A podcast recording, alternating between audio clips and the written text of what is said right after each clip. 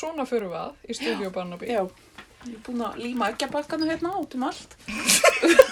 Er þetta ekki ekkjabakkar sem að fólk er alltaf með í svona hljóðstúdíu? Jú, Svona tekur svo langan tíma að setja upp svona hljóðver út af því að maður þarf að borða svo mörg egg. það var nú gott að ég heimsmyndstara sem bróður. Oh my god, ég ætla nú ekki einu svona að tala um hvað bróðið þinn borða mikið ekki og af hverju ég veit það. Eh, Hvar býti nú við haldi nú, hold nú upp? Við ekki að koma að kynna okkur? Jú, heldur betur, ég heiti Lóa Og ég heiti Móa. og við erum frú, Með. Já, Ef við erum segja, frú. frú Barnaby. Barnaby. Já, já, já. og frú Barnaby er búin að bjóða Gesti. gesti. Og gesturinn okkar er... Auður. Ætlum þú ekki að segja svona, við erum Auður. Og Auður! hefur hefur ekkert tímann hérna, íhugað að taka þér millinafni Lóa? Nei, en ég var einu svona En um Móa. Já, já, eða Lóa Móa. Auður, auður Lóa Móa. Það er svolítið gott. Er það ekki? Ég, er ennum ekki með neitt að það væri bara Já. upplagt. En auður er heimsfrægur galleríisti. Hvað myndur þú kalla, sko, út af því ég var að hugsa eitthvað svona, eh, á ennsku myndum maður að segja eitthvað svona culture worker, eða nei. Já, einmitt. En það er Já. rosa lélega orðin fyrir þetta á íslensku. fyrir Já, ég, einhver orðaði einhver tíman svona starfa í þáu listarinnar. En, Já. hérna, Menningar Eða, frumkvöðull. eða meðaldra kona í menningarstjórnun. Já, Mjög líka- Þið sjáu náttúrulega ég er þetta með tríja perlahársferdi og... Já. Ég veit ekki, ég var, já, ég veit, er ekki með neitt gott orðið við þetta. En þú ert yfir kynningamiðstöð íslenskrar myndlistar. Mm Mm. Ég er fórstuðmaður þar og það eru alveg hljóma mjög risastórt en það eru fyrst. já þannig að þú ert menningarstjórnandi. Ég er menningarstjórna. Mm -hmm. Boss, boss lady. Mm -hmm. Bossleiti, það er svona mitt millinafn kannski frekar en. En Lóa Móa. Já. Og þú komst með hérna keks. Mm Uh, viltu segja okkur eitthvað frá þessu keksi? Já, þetta er nú bara úr fína hverfinu mínu hérna í Vesturbæ. Mela, Já. mela búðinni. Þú afhjúpar þig En ég kefti þetta aðalega því að við Móa eigum það sammeilegt að hafa báðar búið í skvöld. Þess vegna kefti ég svona skost skamleikni keks. Já, ég man eftir að hafa séð þessa kekstegund þarna í marki áttu. Mm Og býttu þekktust þið þegar þið bygguð úti, eða nei? Nei, við byggum okkur saman tíma út. Nei, en hún auður og Hvað, hérna, hvað, mér finnst þetta svolítið rugglandi núna. Nei, þú kalla mig bara Lói. Sorry, ég ætla að láta fá já, já. fyrst. Hvað hérna, já, þú kalla mig bara Lói og þú ert auður. Þú ert Lóa. Já, já, já. Þú ert svo... Ok, fyrirgjöðu. Identity crisis. Já. Ok, hvað segir þau? Nei, þú varst að tala. Já, um, já, við hérna þekktust áður. Mm. Þið voru nýkomin frá Skotlandi Mhm. og börnin okkar voru saman á leikskóla. Mm Getur það ekki verið? Jú, og svo bara eitthvað svona fleiri þræðir. Menninir okkar þekkjast vel Já, já, já. og eigum svona einhverja samælega vinni og kunningja og svona. En Já, Já, ég man bara mjög vel eftir þú veist að segja að það væri svo æðislegt að búa í Skotlandi og, og þetta yrði æðislegt og svo var þetta æðislegt. Nei, ekki. Og hérna, Ég man að við hittumst á kaffehúsi, það þekktust þið samt eiginlega ekkert mikið, sko. nei, Hittumst Já, á kaffehúsi, vorum einmitt. að fara yfir stöðuna. Herðu, skál. skál. Kristallinn. Gulla. Já, kannski ekki beint kristall, en ok.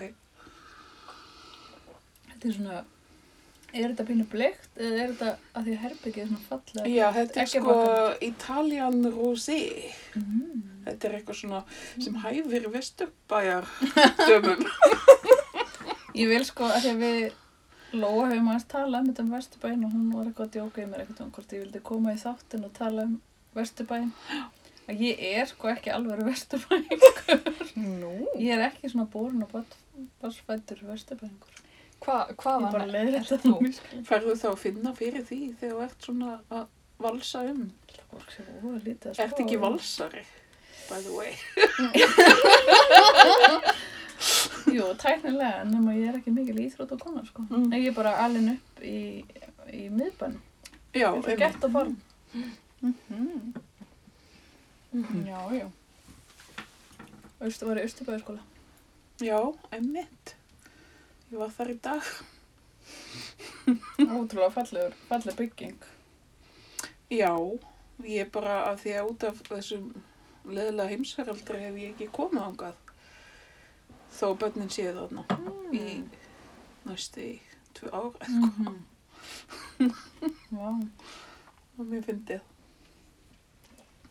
Ég man alltaf að, að hérna, eldri frændi minn sem ég leit mjög mikið upp til þegar við vorum börn, hann var í Östubæðarskóla og hann sagði mér sko að Östubæðarskóli væri sko fangelsi. Lítið sko út eins og fangelsi. Það eru rimlar fyrir glukkum, en var það ég var. Já. Sumum glukkur, Já. ofalega, Hmm. á göngum og svona. Ekki kannski skóla. En þetta er ekki skóli, þú veist, það er Mm. sundlaug í kjallaranum og það er, Já, er það? það er bíósalur sem er með svona, þú veist, gamaldags svona leik, eins og leikhús. Vá, cool. Ógeðslega flott. Já, þetta var einhvern tíman bara flottasti skólinn á Norrlöndum. Mm -hmm. Svolítið langt síðan. svo. Já, það er, Ég var í breiðagerðu skóla í smá tíma og það er líka sundlaug þar. En hún er dálítið ógisleg. mm Svona í kjallarannum eitthvað neð. Já, einmitt. Hvað er hann? Breiðagerðinu. Er það þarna móti fórsvæðinum þar? Eða, Já, það heitir smá íbúðakörfi eða hérna, Já, já, já, já. Þannig að réttur allt skóli er upp á hæðinni og svo er breiðagerðu skóli þar aðeins niður hann að Já, í smá íbúðakörfi. Mm Er þetta eitthvað svona aukt svæði í, í hérna, landakorti hugaðins? Móa. Já, svolítið. 108 svæði. Breiðagerði skóli mitt alltaf hljóma þess að gæti samt líka verið í kóp og ég Já. Já, eða út á Eða land. út á landi. Já. Já. Já. Hann er í Reykjavík. En þetta er líka bara, er þetta ekki bara barnaskóli og svo ferði í rétt á. Jú. Ég bara skammast mér fyrir þetta því ég var að vinna í bústöðum sem er mitt félagsmyndstöðum sem er með liðan á breiðagerði skóli. Einmi. Já, það er ekki mjög langt í burtu. Nei, En það var mjög langt síðan ég var að vinna þar þannig Mm. að það er mín afsökun í þessu máli. Nákvæmlega. Þú ert náttúrulega líka mentar arkitekt, eða ekki? Uh, ég sko, ég bara tók B.A.gráði í arkitektúr, er ekki, ég má alls ekki kalla mig arkitekt og hef engin réttindi til eins, þetta er svona eins og að taka B.S. kannski í læknisfræði, Já. alveg gaglaust. En alveg gaman þegar maður er að breyta heima þessu til dæmis. Já. Heppilegt. Þú hefur gert svolítið mikið af því, Já, finnst mér. já, ég glemd að segja, það var eitt, að þú sagði mig að ég mætti segja svona, að það var eitthvað sem við getum ekki talað um, þá það var eina sem var á listan. Ok. Nei, ég er að djóka. Nei, nei, Hvað var það? Það að gera upp íbúðir, ég bara fyrir. Megum við ekki tala um það? Jú, ég var, þetta var bara fyrir gangur. Ég bara, og er svona aðeins, hérna búin að overdósa sjálf á því að ég var að gera upp íbúðir. Var sérst, eiginlega að gera það svona í fjóraða skipti í sum, síðasta sumar. Nú Og það var þau flutt. Mm Yfir göttuna. Þeir eru svolítið ofta að flytja yfir. Já, við erum mikið í því. Býtu, nei. Er þið Fyrst fórum við ennþá að ringbreyt, svo fórum við að grenumel og svo fórum við á grenumel hinum yfir göttuna. Núna. hjá kaffinu, húsinu? Já, já, já. Já, ok, já. Það voru ekki flutt þaðan. Nei, Ma. ég held að mögulega ég myndi deyja úr leiðindum ef ég myndi fara enda. Nei, emmitt, já. En þið heitluðust að bílskúr, var það ekki? Jú, okkur langaði svo, Benna langaði svo í vinnustofu að hann er búinn að gera geggjað svona næstu því ekki að bakka stúdjó. Búin í orgeli, orgeli og píano, já, rosa mikið eggjum sem við þurftum að borða. Bróðurinn og Mó er aðeins búinn að hjálpa okkur líka. Gott að fara í Costco. Þú Mhm. getur mm. að kaupa mjög mikið eggjum Mhm. þar, sko. Mm. Nei, það komið geggja stúdíó sem að er með s- gólfi sem er eins og þetta liti. Það er gaman að mér segir í þegar eitthvað er hlusta. Mhm. Ekki segja hvað litur þetta er. Nei, bara, þetta er bara milli okkar. Já.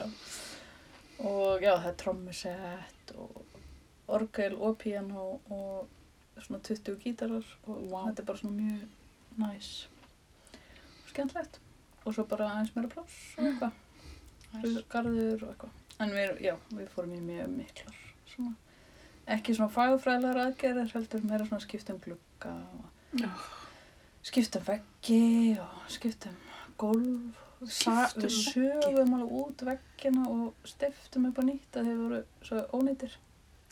Fá, það er rosalega. Já, það er svona, all, lítur allt alveg eins út en bara nýtt.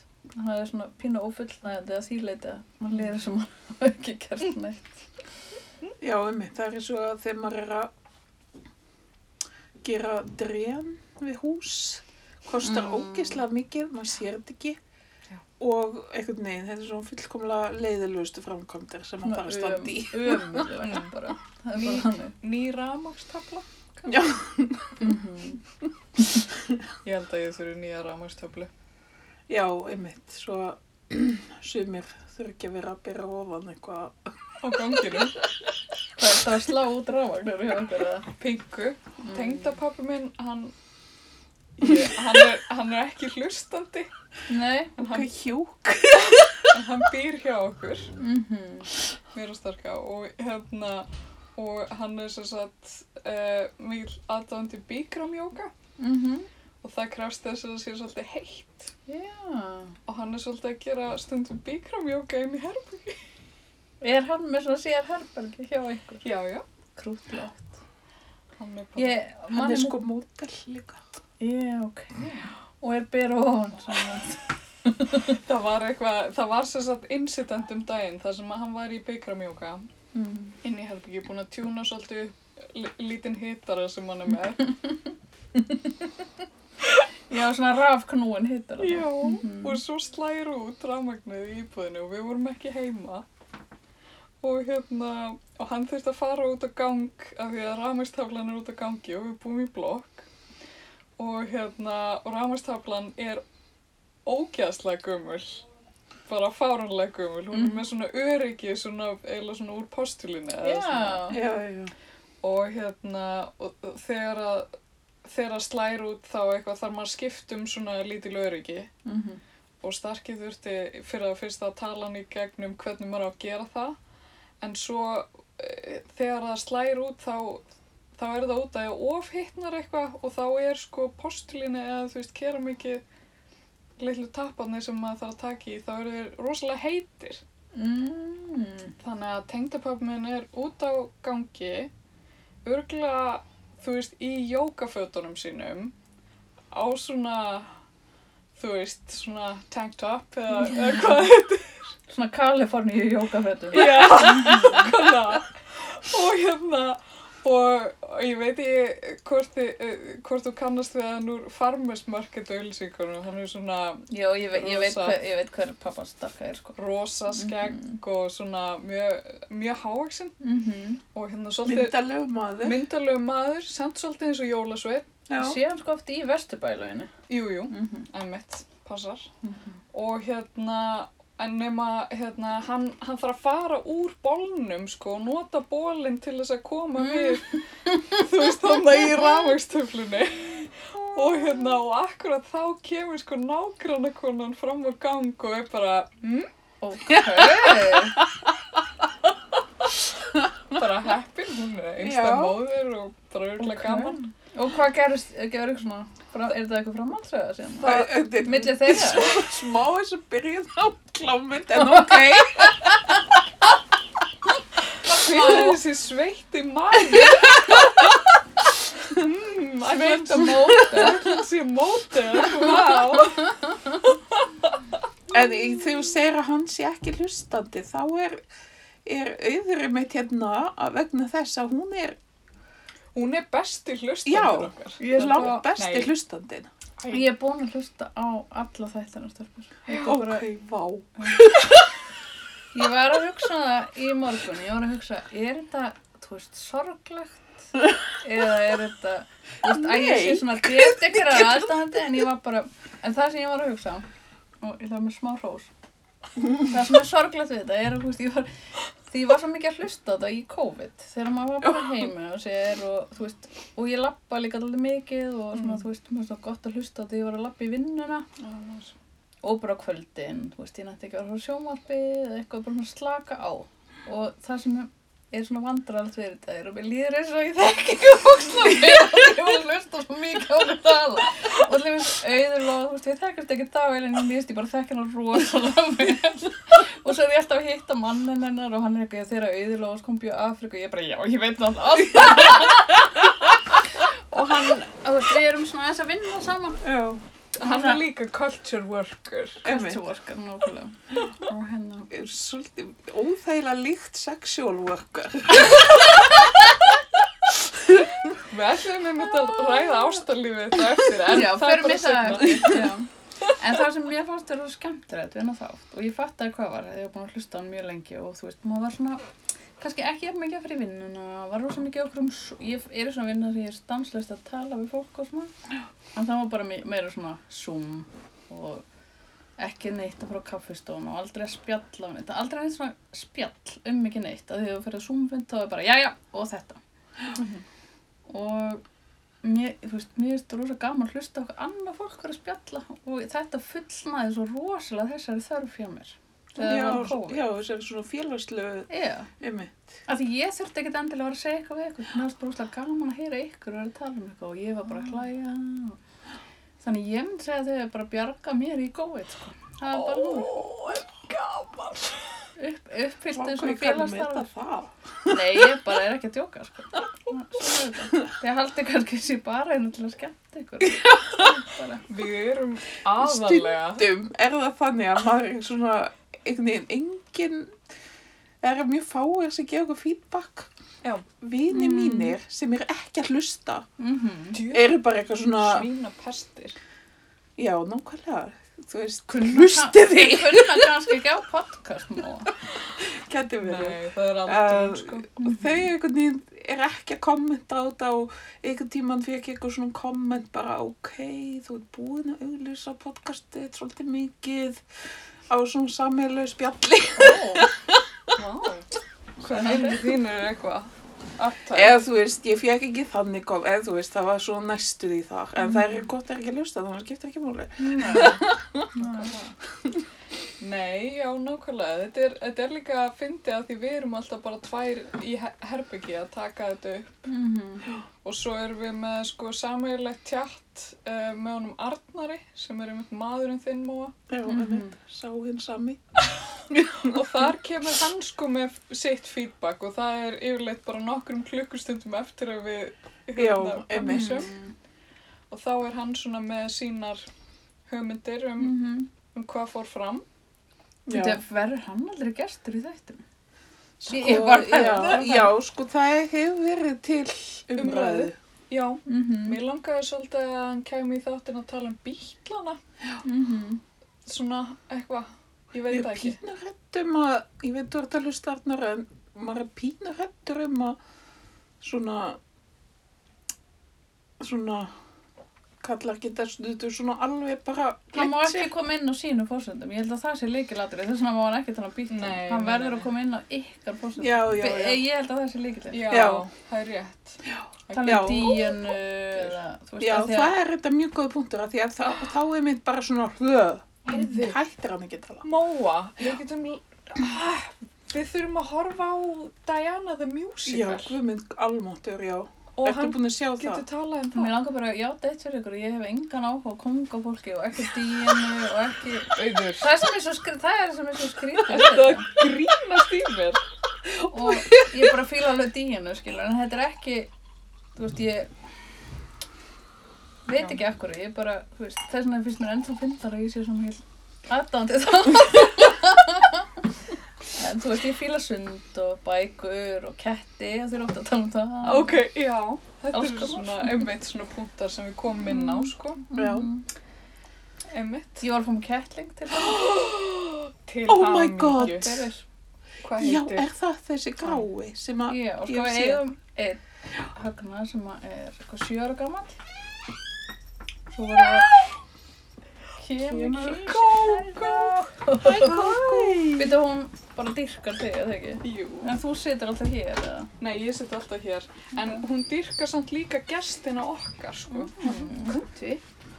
Já, hún auðlofa mjög afbrýðsum þegar uh, Mattias kom. Já, ég man eftir því. Já, Mattias staðlenni frá mér, sko. Já, En Mattias er náttúrulega gert svona ódöðlega skóltra af köttum. Hann Já. ekki fatt að það. Hún er hún. allt um það, sko. Gert sér grein fyrir því. En já, kísan þín.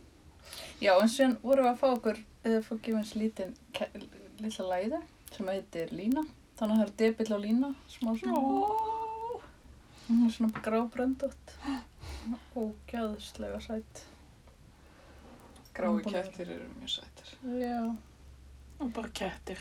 Kettlingar. Þegar við fengum kötturinn okkar var nefnilega en einsást, þannig að hann var bara aldrei eitthvað svona krút-krút. Hún var, þú veist, bara eins og eitthvað hamstur eða eitthvað, hún var svo lítil. Hún Ó. var eitthvað átta vikna þegar við fengum hana.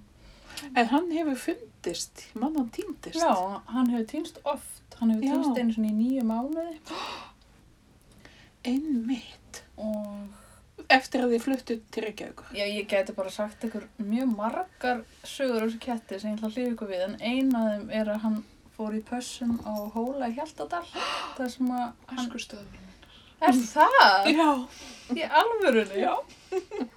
Sko, Hvað var hann að gera þar? Eh, tengda fórhaldar mínu búa þar. Hver eru þau? Uh, sko, tengda móði mín er, er hann vikslu biskup á Hólum. Nei. Já, já, já, já. Hei, halló. Sem inn á það, ég var á hólum í sumar og það kom mér mjög á óvart hvað er mikið að köttum þar. Er það? Já, Má vera með kettir þar? Hæ, ég hef ekki tekið það voru alveg nokkur kettir. Vá. En við fengum hann sérst það frá Hólum að hann hefði verið einhverjum svona sveitabæ. Nei, halló.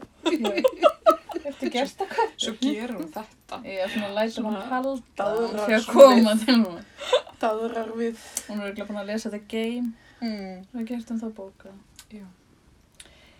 Ég ætla ekki að vera að tala um það bók hér allavega. En, En já, fyrirgjöðu, það er hérna... nei, hún er þaðan og svo eitthvað tíma vorum við að fara eitthvað lengi til útlanda og hún fór í pössun tangað aftur sem sagt, og stakk af og fannst ekki í nýju mánuði og hefði það bara verið ykkur hlöðu og eitthvað í sveitinni bara Já. að frílesta sig og kom svo á eitthvað bæ og í nágræninu og Og þetta er hann debill. er og endaði svo aftur hjá okkur en svo hefur hann líka týnst í marga vikur hjá okkur og fannst í ruslagamnum með hótel loftleðir Já. Vó. Sáu við fyrir all. Já, ég væri okkurslega til ég verið með svona GPS-tæki á hann en svo núna eftir það þá er hann bara, þú veist, hann fyrir ekkert langt hann er alltaf bara við rétt hjá heimilinu ég held að hann sé svona traumatized eftir að hafa Þetta er visslega gaman. falið hann já. Ég veit ekki hvort Kókó sitji of...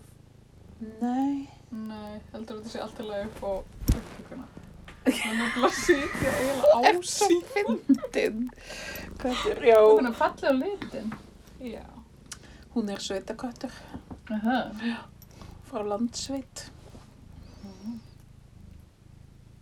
en akkur áttu þú heima að volum í Hjaltadal Uh, pappi var að læra eða í svona research og að kenna í skólan mm. og mamma var þá að vinna eða þú veist, hún er hjúgrunarfræðingur og þá starfandi hjúgrunarfræðingur og var að vinna á Söðakví. Mm. þegar þú vart bara lítil eða Já, ég byrjaði í skóla hana, mm. sex ára bekk. Vorum fimm saman, fyrsta bekk í, í hérna grunnskólanum á Hólum.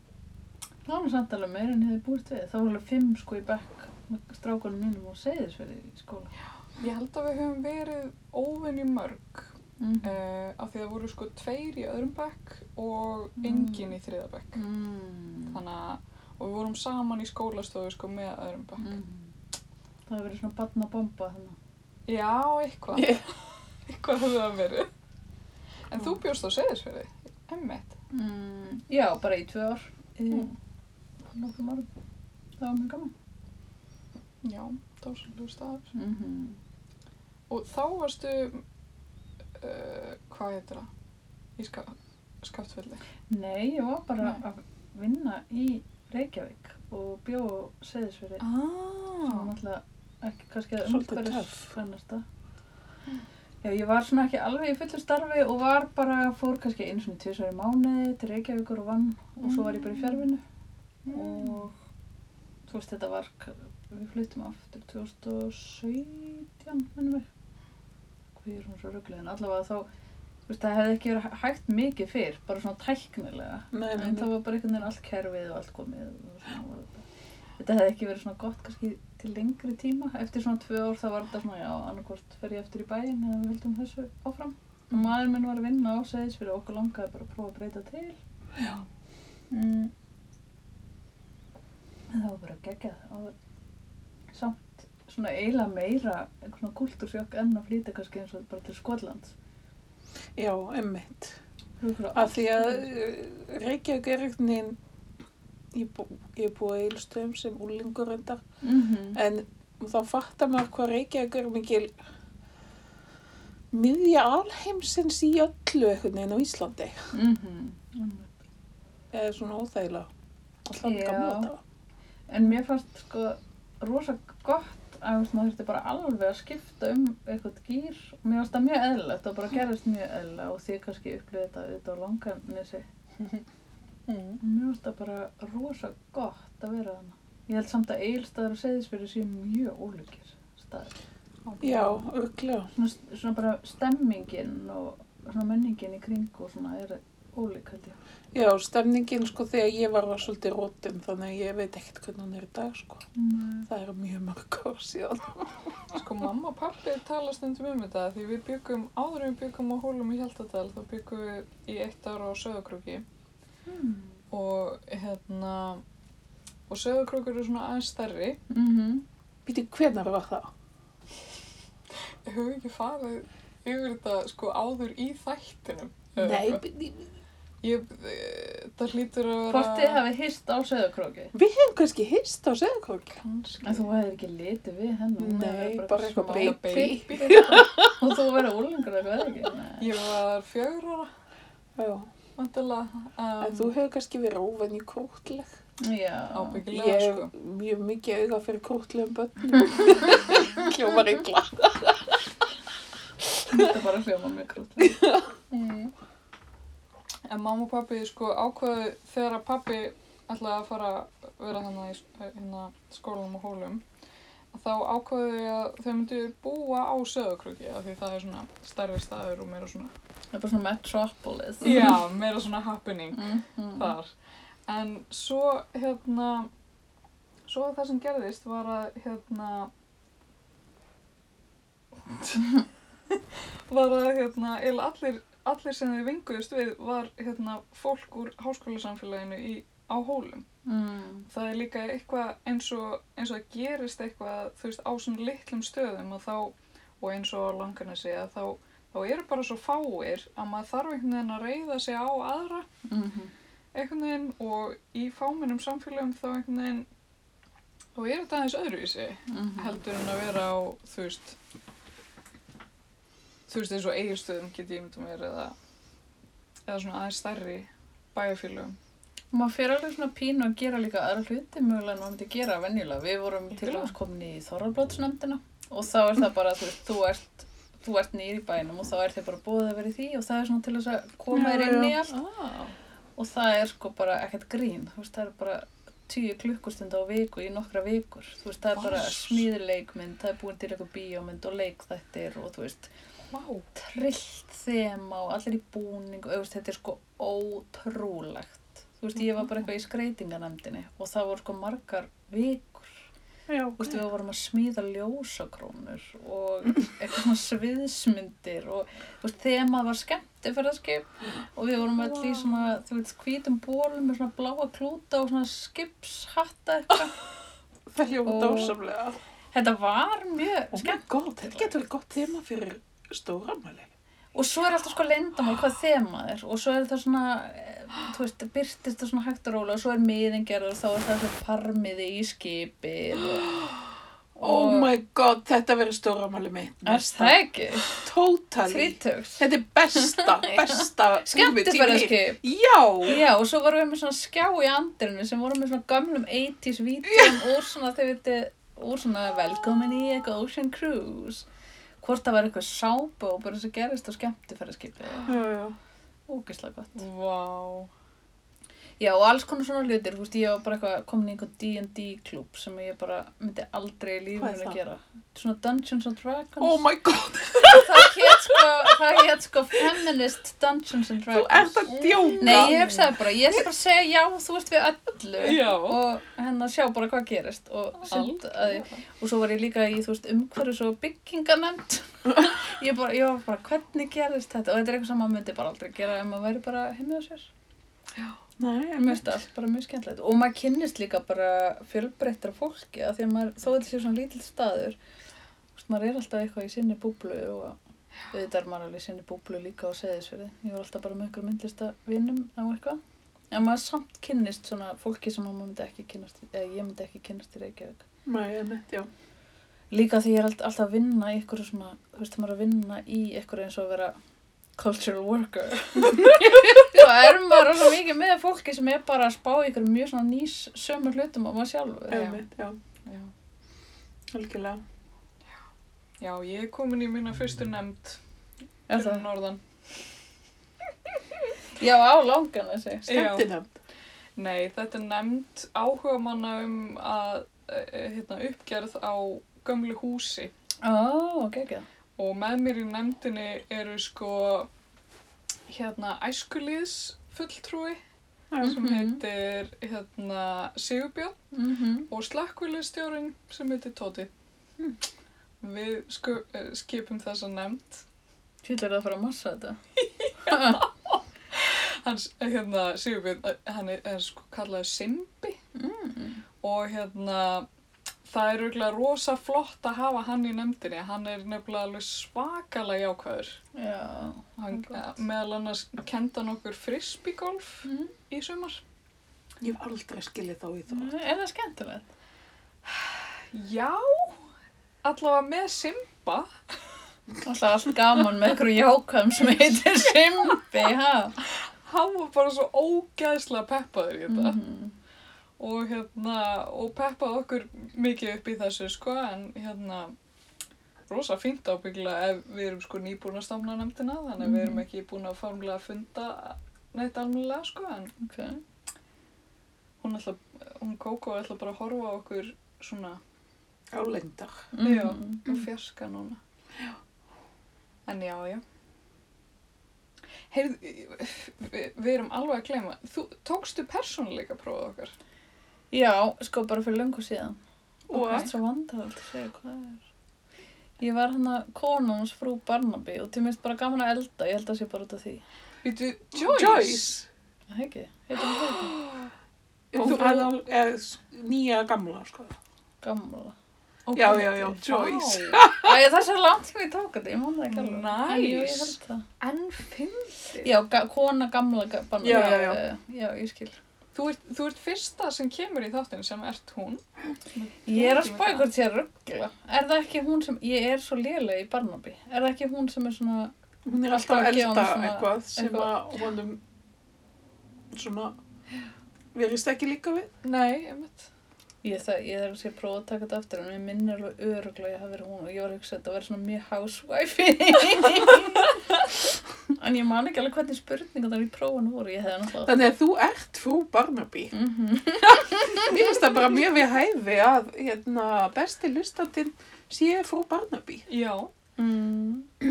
Og ég myndi segja að Joyce Barnaby er alveg svona, uh, Hún er primus motor já, vegna þess að hún er alltaf á svæðinu. á svæðinu. Hún er nánast, hún lendir nokkru sinnum í því að vera næstu í myrkt. Já. Hún er einhvern veginn, hún tengist plottinu alltaf á einhvern hátt. en mér veist sko nú hef ég bara eiginlega aldrei hort á heilan Barnaby þátt, þetta hefur verið meira svona því þetta í gangi á föstaskvöldi eða Mm. hvernig sem það er, bara svona ég hef aldrei svona alveg, en ég horfði á eitt þátt frá byrjun til enda Já. og hún er svo ógislega góð við mannin sin ég er ekki alveg svona góð við manni minn og hún. Hún er alltaf Já. yeah. svona styðjandi og ég er bara eitthvað, þú ert að fara að massa þetta og Já, ég held að jákvæð. það er svona gamli, gamli skólinn svolítið yfir allavega fyrstu seríunum, Mm þú veist, og, og ég held að þátturinn sem að ég let þið horfa á er bara alveg fyrsti þátturinn. Já, hann er mjög skemmtilegur sko. Já, hann er, er mjög góður fyrst mér. Mm Og, og sko talin af fólki á netinu vera bara einn af bestu. -hmm. Já, handriti er mjög gott, sko. Og plottið er alveg gott. Já. Sko. Og svo fyndið samt að horfa á þetta út af því að um, þetta er svo hægt. Þú veist, Mm. miðað við bara allt sem maður horfir á í dag og ég er ekki að segja alltaf bara að horfa okkar glæn nýtt en maður fattar bara einhver svona sjónvastáttur í dag myndi aldrei vera svona rosalega hægur. Nei, emitt. Nei. Þetta er, já, þetta er svona ákveðin hugleðsla. Ég veit það, það er svona, svona róandi. Því þið pitcha þessu sem svona einhverju núvitendar sjónvarsefni. Þetta er samt svona næstu í þannig og eiginlega bara, þú veist, að horfa línulegt sjónvarp líka Mm -hmm. er líka bara eitthvað svona, Hver var að segja mér, það var einhver að segja mér að hann býr einhver starf í útlöndum og að því að sagt, hún auðlofa, hún gerð, var fyrsta mannska sem ég kynntist sem horfði á Barnaby ekki um helgi sem ég fannst ótrúlega merkilegt fyrir bari og hérna, því mér fannst þetta alltaf vera eitthvað svona, einmitt, föstudags, þetta var föstudags áhorfi hjá okkur. Mm En ég var að hi- hitta einhvern sem sagði að það væri sem sagt alltaf, já, Sigdryggur Berg, Já. hittir hann og akkurir, hann sagði, já, það eru skalt alltaf í þýska sjónvarpinu tveir Barnaby í röð á mánudögum. Nei. What? hví líkt Vá. En þetta er alveg frekar langi þættir. Já, þetta er alveg, þetta er bíómynd, sko. Ná, og sagði sem sagt að konan hans væri mikill aðdáðandi. Já. Það er gaman. Að Barnaby, ekki frú Barnaby. Já, já. Býta, varstu á að le ekki að lesa upp á bókina þinn eða? Jú, hér ég var einmitt á gjörningaháttíð. Ah, upprópunamerki. Já. En hvernig er þetta sagt? Ah, Ah! Ah, ah. Ég var þetta partur af því. Já, Já, ok, ok. Næs. það var svolítið uh, fyndið, sko. Varstu þá að hanga með gjörningalista fólki? Já, svolítið. Mm. Sigtryggi Berg og... Aðalega honum. ég þekkti ekki til hennar samt. Og var þetta inn á safninu eða? Já, já, já. Ég sem þess við skaldi lásum bara upp á kaffehúsinu. Mm -hmm. En gjörningarnir voru þarna í salnum, kittil salnum og hann á móti. Finnst ykkur safni ekki flott? Það er geggjað. Jú. Finnst það bara svo fallega gert allt. Mjög flott og hérna var svolítið áhugaverð þarna ísbjarnarsýning. Já, Sem Mark, Mark Wilson og hérna Mhm. Bryndís Já, Snæbjörns. ég vissi það, þið myndu auðvitað vita þetta allt saman. En að því að það kallaðist akkurat á við sko efni í ljóðbókinni og svo hérna, já þannig að ég, það er svolítið svona skemmtilegt. Mm. Já. Já, svo fórum við og skoðum sigurhæðir þar sem að, Já, sem þau safnstjórin og já, þau hjónin búa. Út, nei, þau eru sem sagt að reyka þarna vinnustofur og, og það verður sýningarými sem sagt og, Mhm. Já, ok, þetta er ekki heimili, ég skil. nei, Plani var sko fyrst hjá þeim að þau myndu líka búa hann. Mhm. En svo fór þetta í gegnum eitthvað ferli þar sem að bæði, ég veit nú ekki hvort að maður má eitthvað vera að segja frá þessu. En það Þú eitthvað, kannski segir bara frá þessu í sér þættir sem það er að kaupa aðganga. já, svo Patreon þetta já, ok, þetta kemur í slúðubrættum okkar. Þið þurfa að borga. að, taka- eigum við að gera þetta svona auka þá sem ég getur með í sem er svona slú, myndlist að slúður. oh Þú my god ert Það að var borga geðveitt mikið fyrir það og það borgar fyrir næstu engasýningu hér. Algjörlega, sem verður Þú heyrir ég er business kona. Nota bene sko í listasafn á Akureyri. Nákvæmlega. já, eða ekki Jú, já, Já, í alvörunni. Þú Já, ert ekki bara að búa til eitthvað svona plan. Nei, ég er bara að það sko. trúi mjög mikið á Og svoleiðis. hvað, er það enga sýning eða? Já.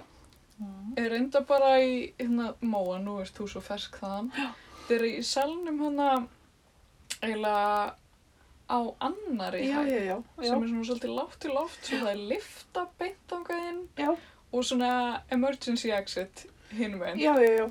Einmitt, ég held að Maggi Já, sínt þar líka. einmitt, ég var að hugsa, þetta er það rými sem hann var, hann var Magnús Helgason, Já. ekki? Já, Já, Ég sá þá sýningu, hún var mjög skemmtileg. ég sá hann nefnilega ekki, held ég, kannski. Nei, þetta er ekki, nei, þetta er ekki svona hátt uppi. Nei. Þetta er, það voru svona ljósmyndir af, af hérna, Kókó. Hættu. Hættu. Hérna, þetta er ekki þannig uppi. Eh, Þetta er eiginlega bara, þú veist, maður lappar eiginlega bara upp úr hérna veitingahúsinu Já, og bara upp einn. já, já. Stiga. Hann var reglulega með það. Það sem voru ljósmyndir frá Akureyri. Já. Já, ég veit hvað, það er, já. Það er alltaf ekki svolítið. litla mín? Móðalustu. Já, allan, ok. Já. Ég hlakka til. Já, já. Það er bara hægt að láta. Ef að mæta þá, Í- er þetta fyrir páska eða? Uh, ég held að þetta sé þetta eftir páska. sko. Það opnar á sama tíma og fenni þetta ég er einhverjum kannski. Já, byggla. Já, það var einmitt það sem ég hugsaði. Þegar ég kefti hérna Italian Rosé, ég sagði, já, þetta er alltaf svo mikið að- eitthvað á fenni um þetta fólk. Jú, jú. Þetta myndlista Þetta fólk. pakk, þetta culture worker pakk. Hvað, hvað getur þú sagt okkur slúður af, af fenniðatvíðangnum? Er þetta ekki alltaf, allt gengur rosa vel og bara auðvelt? Já. Er þetta ekki bara alltaf svona tveggjara fresti og Þetta er að svona? tvekja fyrst. Ég var svo ógæslega heppin þegar ég byrjaði þessari nýju vinnu sem var í mars 2020. Og Já. það átti að vera, sérst ég var áður að vinna annars staðar. Og Byrjaði í þessari nýju vinnu og svo byrjaði COVID bara, þú veist, sama dag eða eitthvað. Mm. Og þú veist, þe- þessi miðstök gengur aðalega út á að kynna íslenska myndlist í útlöndum. Og eitt af verkefnunum er Fenniðar tvíringurinn. En honum var frestað um eitt ár. Ah. Uh, þannig að hann er núna þryggjara fresti eða þú veist Mm. og svo verður hann aftur að Já, þriggja ára ok, já, já. Þannig er núna opnar á sama já, opnar á sama tíma og enga síning öðurlóu í listsafna Akureyrar Já, típist. 20. cirka 20. apríl Ok, eftir. En ég hef aldrei verið svona beint að vinna að finna þetta tvíringum áður þannig að ég veit ekkert hvað ég er að gera sko en ég held að þetta endi bara vel En þú hefur verið þar, mm Mhm. ekki? Já, Jú, jú, ég farið Þú hefur kannski verið galleristi þá. Já, ég var að vinna sérst í galleri alveg í tíu ár. Nú voru allavega, allavega menn voru held í þrýr lista með Gabriela Friðriksdóttir í gamla gamla daga þegar ég var að vinna. Já, Þegar já. ég átti að vera að klappastík. Og svo Ragnar Kjartansson, hann var 2009. Svo var hann eitthvað aftur 2013. Og Eid Sæbjörnsson 2017. Já, já. Einmitt. En já, þannig að þá hefði maður svona eitthvað aðeins öðruvísa, eða svona allt öðruvísa að koma aðeins. Mhm. En svo er þetta allt svo rosalega misjamt, þú veist, Hrafnildur Arnardóttir var síðast með bara svona risahár innsetningu, Egil Sæbjörnsson með kaffihús Ég og... meit. Og plötu og... Já, Já, og Hrafnildur líka, líka um plötu. Já, já, með ham. Mm Já. Og Ég veit óþægilega mikið um þetta. Þú það? veist, ég er nú ekki að vinna sem, sem myndlistar eitthvað, Það worker. var svo mikil umfyllir um þetta, er það ekki bara líka? Svo kom þetta náttúrulega að lista þess að breyka ykkur. Já, já. Þú veist, þú að vita of mikið um þetta. Já, nei, tjók. Við veitum svona þjónustu Ég veit í líka frú fullt, Barnaby. af slúðri í kringum allt saman sem fyrir allt í Patreon þáttinn. Já. En ég held að það sé mjög eðlilegt að koma mjög mikið slúður í gegnum kringum eitthvað svona stór prójekt. Er það ekki? Eins og all hljómsveita Og svo náttúrulega þegar að, að, þú veist að berjast um að fá þetta. Mhm. Eða þú veist, ég veit ekki, fólk er kannski ekki að berjast en, en þú veist, það er svona slást. Það hefur verið mismunandi. Stundum hefur verið svona open call þar sem fólk getur sótt um. Sigurður Guðjónsson sem er að fara núna og er valinn bara sem svona, hei, það var, hann var bara valinn. Er þetta svolítið eins og Eurovision? Já. Einmitt, það hefur verið þannig í Eurovision líka. Ég var til að spá því. Þetta er bara alveg eins og Eurovision. Það er ekki mikið slúður í Eurovision líka. Jú, alveg vá. bak, þetta drama og alls konar svo leis. Mhm. Já. Algjörlega. Bakrættar drama, hljóma vel. en svo var ég að sá í dag Mm. á vettvangi fjörsbókar, tjók, ekki gummul núna. að það var einhver svona, hérna, skapandi, ég er á okkur svo skapandi hvenna grúpu Mhm. og Já. þar var verið að tala um málara konur. Já. Svo svolítið aðtilsverða tölur sem voru í þessu posti. Var þetta hérna hópur kvenna sem allar með myndlistasýningu í listasal Mosfellsbæjar? Já, já, já. 16 kon, myndlistakonur. Já, já, já. Málarar. Já. En það sem mér finnst kannski aðtilsverðast að hún var að setja fram sko tölurnar á sko hlutvalli kvenna í, hvað var það, í galleríum og, Ég bara í sýningum. og Eitthvað. sýningum. Mm og að, líka miða við sko afsakið sérstaklega því maður veit líka eins og í háskólanum og, og ég ætla á í að það er bara náttúrulega hvað er það, 80% -hmm. konur. Og bara starfandi myndlistamenn eru miklu fleiri konur en einhvern veginn fá kallanir miklu meira af sýningum. Meira Já. svona visibility, Mm verðist vera. Ég verð að segja að þú veist það er alveg svona meðutund um þetta inn í svona þessu opinbera kerfi, þú veist ég veit að söfnin eru ótrúlega meðutund um þetta í dag og í styrkjakerfinu og allt svona. En í galleri heiminum, þar sem ég var mjög lengi, þar er það er svona allt öðruvísi, það er bara svona lagmál kapitalismans svona yfirleitt sem ráða. Já. og verð og listaverkum eftir kalla er sko mikla herra þannig að þú veist, ef þú tekur nú bara mann í engar tölur en bara svona söluhæsta konan eins og bara Cindy Sherman eða Já. með segja hæsta konan eða svona hæstu verðin og kannski Frida Kahlo og eitthvað svona það bara kemst ekki nálagt kall það er alveg svona galið. og ég hef átt persónlega í samræðin við erlenda galleri ég held að íslenskir séu ekki alveg þarna. Já. sem að segja bara ég hef bara enga tíma til að vinna með konu Ah, það er bara en það er bara svo... börn og svo er bara er, er það ekki að duðlegar og sem bara auðvitað kæftaði Tjós, bullshit. bara ég nann ekki að standa í þessu. Það þurfa að vera ógeðslega góðar til ég nann að standa í þessu. Já, þetta, minnst þetta alveg svo, svo sem svolítið þverfagilegt og hún var að tala um þetta hún hérna Simi Manda mm -hmm. Chimamanda. setja þetta Chimamanda Ngozi Adichie. Já, með því bara hérna, það er gott að vera með Afrikubúa hérna við Ég er ekki Afrikubúi. Nei, en þú veist hérna, Afrikunýbúa Já. hérna um, já, af því að hún var að tala um þetta að sem sagt konur líta svolítið þannig á að þær þurfi sjálfar að þú veist eiga eiga einhvern veginn að vera síðferðslega betri og betri einhvern veginn á allan hátt Mm Mm. og þannig að þú veist konur geta einhvern veginn gefa sér ekki einu svona færi á að vera Lila, ég veit ekkert hvert ég er að fara með þetta. Nei, ég meina ég held að gefi miklu síður færi á sér að vera, þú veist gera eitthvað glata Já, og það er einhvern veginn, jafnrétti er ekkert náð þegar þú veist, konar eiga alltaf að vera svo ótrúlega góðar mm Já. til þess að ná -hmm. á næstum því svipaðan stað og kallmenn. Mm Og, En- e, og á svipaðan stað og einhver kall sem er svona kind of að reyna. Já, Eða þú veist, -hmm.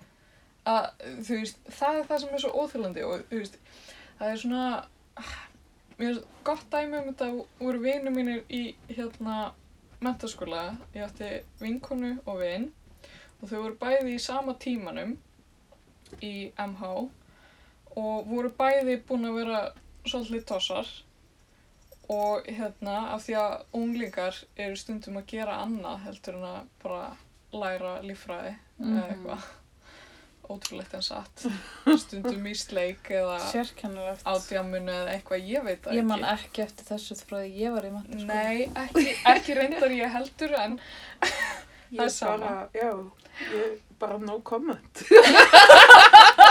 Ég var sko rekin úr mentaskóla fyrir að mæta úrslega illa. Fyrir ekki, ég ætla ekki að... Ok, við komum við komum inn á þetta á Það er svo eftir. ditt past. Viltu fara út? Hún ætlaði bara rétt svo að kíkja. Já, það er þá núna. Hún heyrir að við erum að fara að tala um eitthvað sódómi. hérna. Ok, nei. Lilla fröki. Ætlar að fara út eða? Já, já. Hún vil ekki fara út. Nei, en, en þau allavega eru búin að vera svolítið tossar og hérna og, og vinkona mín er mjög fljóta að gefast bara upp. Hún hérna ákveður bara að hætta að mæta því hún er hvað sem er örgulega fallin í þessu og hérna Mhm. eh, og ætla bara að taka kursin aftur á næsta ári. Þetta er svona hálfa enn inn í inn í hérna námskeiði og hérna nema vinnu minn, hann fyrir út í það hérna að grenja sig aðeins út úr þessu og hérna og nær uh, þú veist tímanum með þú veist á 5 eða 6 Já, já. eitthvað svolítið og mér finnst þetta bara að ég hugsa stundum um þetta út af því að þú veist þetta er eitthvað svona mentality Mhm. að þú veist Þú þurfa að gera allt ógslag vel. Já. Er ekki? þú veist að, að maður þurfa alltaf að gera allt fullkomlega og vel og af heilum hug Mm meðan maður gæti kannski alveg, þú veist, fúskað smá og Já, já. þú veist, þannig sé áorka mér, eða þú veist, ég, æ, ég veit það ekki, ég veit ekki alveg hvert ég er að fara með þetta, en Ég held að ég skil, ég skil hvað. Já, og svo einhvern veginn eru líka einhvern veginn að ég veit ekki, þú veist að því ég var kannski smá torsið stundum, einstakar sinnum mjög sjaldan. en hérna, ég var alveg grátið inn á skrifstofu hjá háskóla kennara. svo er náttúrulega svona illa innrættir einstaklingar eins og, En þú veist, eins og þegar það er veginn svona minna framlag, Mm. meira virði Já. Mhm. hjá tippalíðasunum. En það sem er líka eins og í myndlist og örglega í öllum öðrum listgreinum, ég bara sé það meira í myndlistinni, að það er líka að vara umfyllunarefnin og miðlarnir og svona, þú veist, það er bara ekki jafn mikil virðing borin fyrir Nei. því sem er kvenlegt og alltaf talað um sem svona kraftsí eða föndur eða eitthvað sem er kannski bara alveg jafn gilt og eitthvað málverk sem kall gerir og svo er það, og ég held að þetta sé bara að breytast mjög hratt og er bara nú þegar búið að breytast mjög mikið en mér finnst bara strax á tíu árum eitthvað sem að, þú veist, má vera að pæli í sem var eitthvað, já þetta er aðeins svo svona eitthvað, hva, þú veist, kellingalegt eða kvenlegt eða eitthvað. Já, föndur, það er svona, er það ekki svona bad word Mjög. í listheimunum? mjög, Og svona crafty eða, þú veist, og svo er það samt alveg úrslega mikið í tísku, þú veist, eitthvað Og Keramík handverk, og er handverk. það, er það, útsaumur og allt. mm Hvað, ert að koma að fara, lilla mín? Ha, Hún er bara að vera með. hún þúlir ekki svona rigningaveður. já, ég skil það. Fer hún út eða? Út og inn og, og, og svona. Núna vill hún fara út, sko. Má. Nei, ég meina út, út. út Já, já, hún þeirra. út. Já. Nei, hún er bara, hún er bara alltaf í þessu herbyggi. Ok, súpp. Aðeins. Oh, hún bara, Kókó. nei, nei, hún er ekkert ákveð. Hún ætlar að stríða mér. hún ætlar ekki að koma aftur í fangið að mér. Þetta er það er alveg típist. Mikið prinsessa. En já, hvað, þú varst reikin úr mentaskóla? Mhm. Hvaða mentaskóli var það? MH. MH? Ég, var ekki, ég, ok, þetta var smá svona ígjör kannski. Ég var, ég sést, hætti, ég þurfti að hætta einu önn og því ég fjalla mætingu. Oh boy. Ég var svo cool. Eða ekki, þú veist. Varst það, er það ekki að drekka? Viltu kannski ekki tala um það? Nei, ég var bara ekki í neinu rugglega neitt, ég bara það mætti óslega illa og var svona bara eitthvað slæpast og bara komið leið á skólan. Þetta er Mm. ekkert mjög svona, mjög djúsi saga, sko. Ekkert eitthvað svona Nei, æsandi. nei, ekki beint, sko. Svo bara, þú veist, fór ég, ég kláraði samt held ég alveg, eða þú veist, cirka á réttum tíma. Ég fór í fornámið og í myndlistaskólum í Reykjavík og kláraði einhvern veginn MH á sama tíma og endaði bara, þetta endaði ekkert svo ræðilega, sko. Ok, og Já, hér ertu ok, í dag. en merkilegt að því að Ísolt er einmitt mikið að hugsa um þetta myndlistaskólan í Reykjavík og hún var að byrja MH. Já. Ég bara myndi algjörlega mæla með því. Þau eru náttúrulega líka að koma svona stúdentsbraut, þannig að hún getur farið eftir ákvæmna Já, einmitt. einhverjafjölda. Var hann að sko sumannámskeiðsum. Hefur þú ekkert maður farið þangað í myndlistaskólan eða verið að kenna þar eða? Nei, uh, ég, var, ég var á stundum í einhverjum svona myndlista námskeiðum þar þegar ég var bara krakki. Það er sko myndlistamenn, þú veist, að kenna starffræði og bara Halli Jóns að kenna íslensku og eh, ég veit ekki hvort það þannig núna en það hefur í gegnum tíðin og Anna Sund var að kenna starffræði og hefur verið að Já, kenna starffræði hérna. Másdóttir sem myndlistakonu og starffræðingur. Þannig að þú veist, það er alltaf verið að kenna, þú veist, þú þarft að vera búið með kannski halvan mentaskóla, þú hefur verið að kenna, þú veist, restina og þau skildu fyrir eitthvað veginn svona í myndlistar eða hönnunar, arkitektúr, svona sjónrænu samhengi. Já, það hljómar vel. Já, En þetta var ekki byrjað þegar ég var, þetta var, ég var bara í svona árs ekkur. Ég myndi bara, Já, byrju þannig þú og svo fórst ég allá í, var það ekki? jú, svo fyrir að læra myndlist bara, já. Byrju, varstu á sama ári og Tinna Ævars? Nei, ég var ári á eftir henni. Já, já, já, já. Mm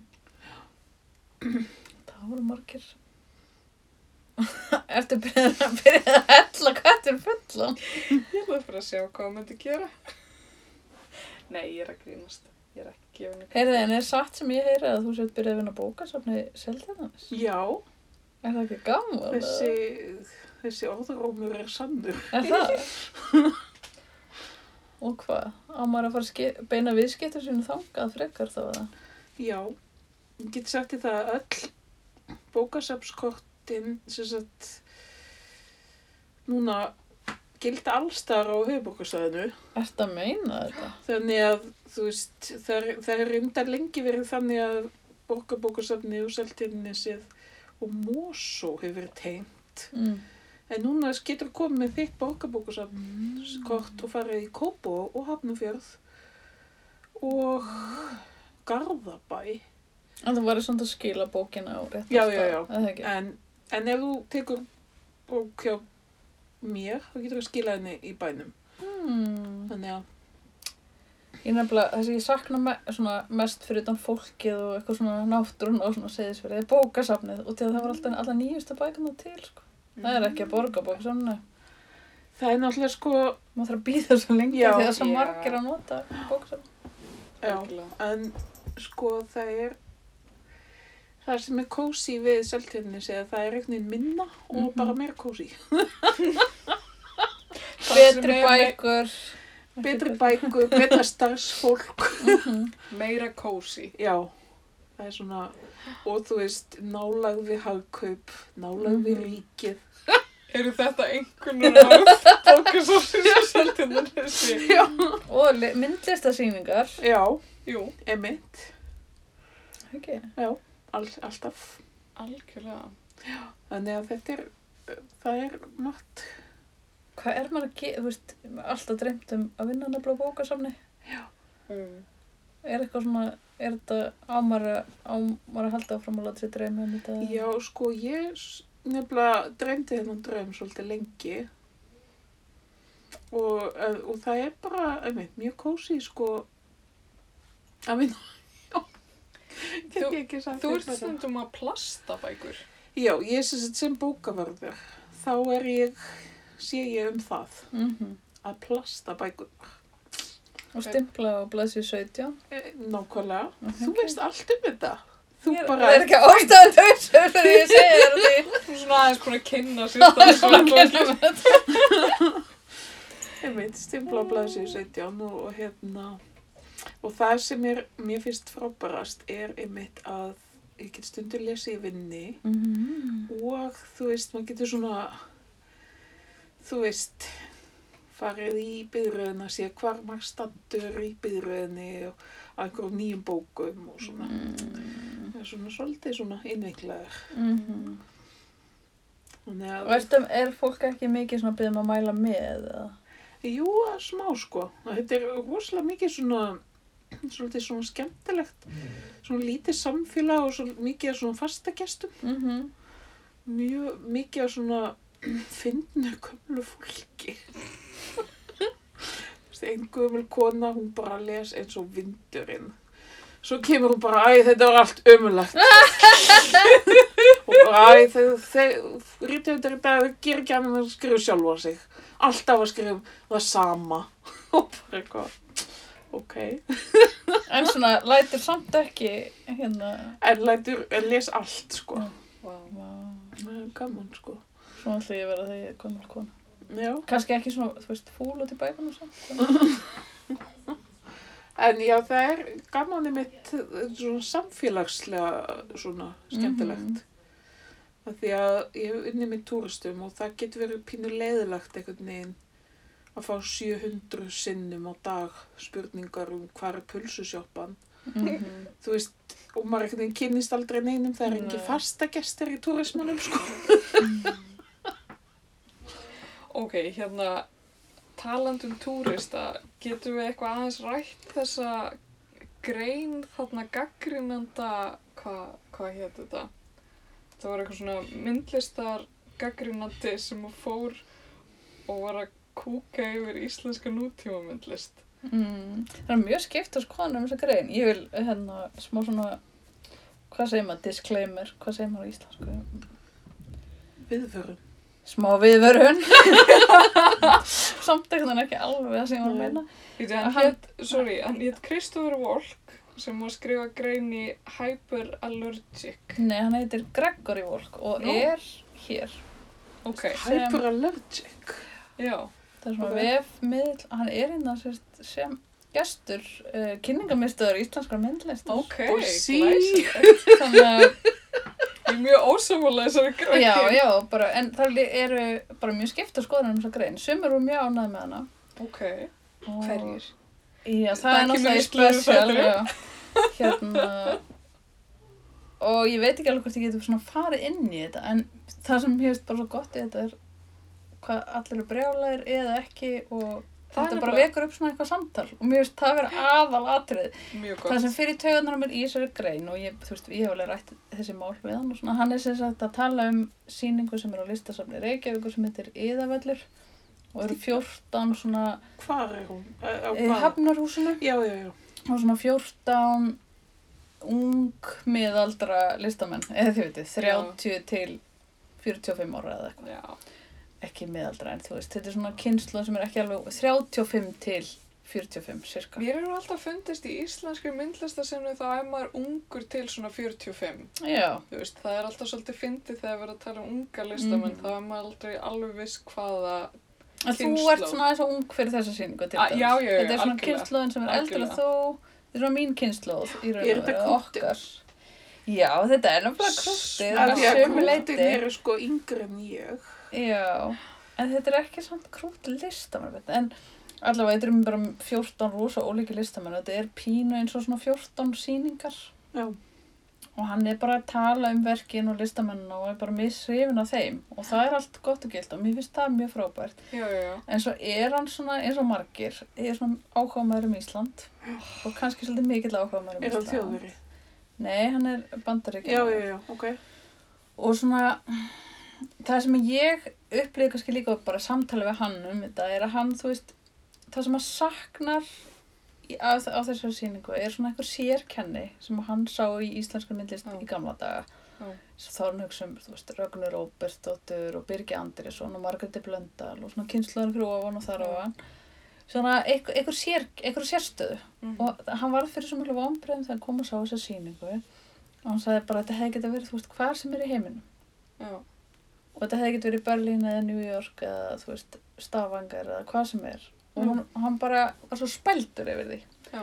og það er þess að fólk var svona kannski líka pyrraði yfir að hann orðar þetta einhvern veginn svona pínu astnalega Já, mér finnst þetta eitthvað, þú veist, æ, ég veit ekki, það fór aðalega í töðunar á mér að hann var að tala um, þú veist, eins og Ísland væri svo eitthvað svona exotískur staður og hann virtist vera svona, æ, þú, þið vitið svona þessi típa af útlendingi sem kemur til Íslands og er bara eitthvað, oh my god, það er allt svo frábært á Íslandi, ég ætla bara að búa hérna, mm -hmm. eitthvað típa Mm og, og hérna og vera svo eitthvað fyrir vombriðum að, að Ísland er ekki bara, þú veist, Volcanoes. já, e Mhm. eða þú veist, já, mér finnst það, Mm það, það, eða það var einhver svona exotismi gangi, Já, eitthvað svona, eins og, eins og við ættum að vera svo pure Mhm. og svo, þú veist, svona, svona svolítið eins og við verið ofta að tala um, þú veist, uh, Tengd náttúrunni. já, eitthvað, Hann hefði alveg vilja sjá smá,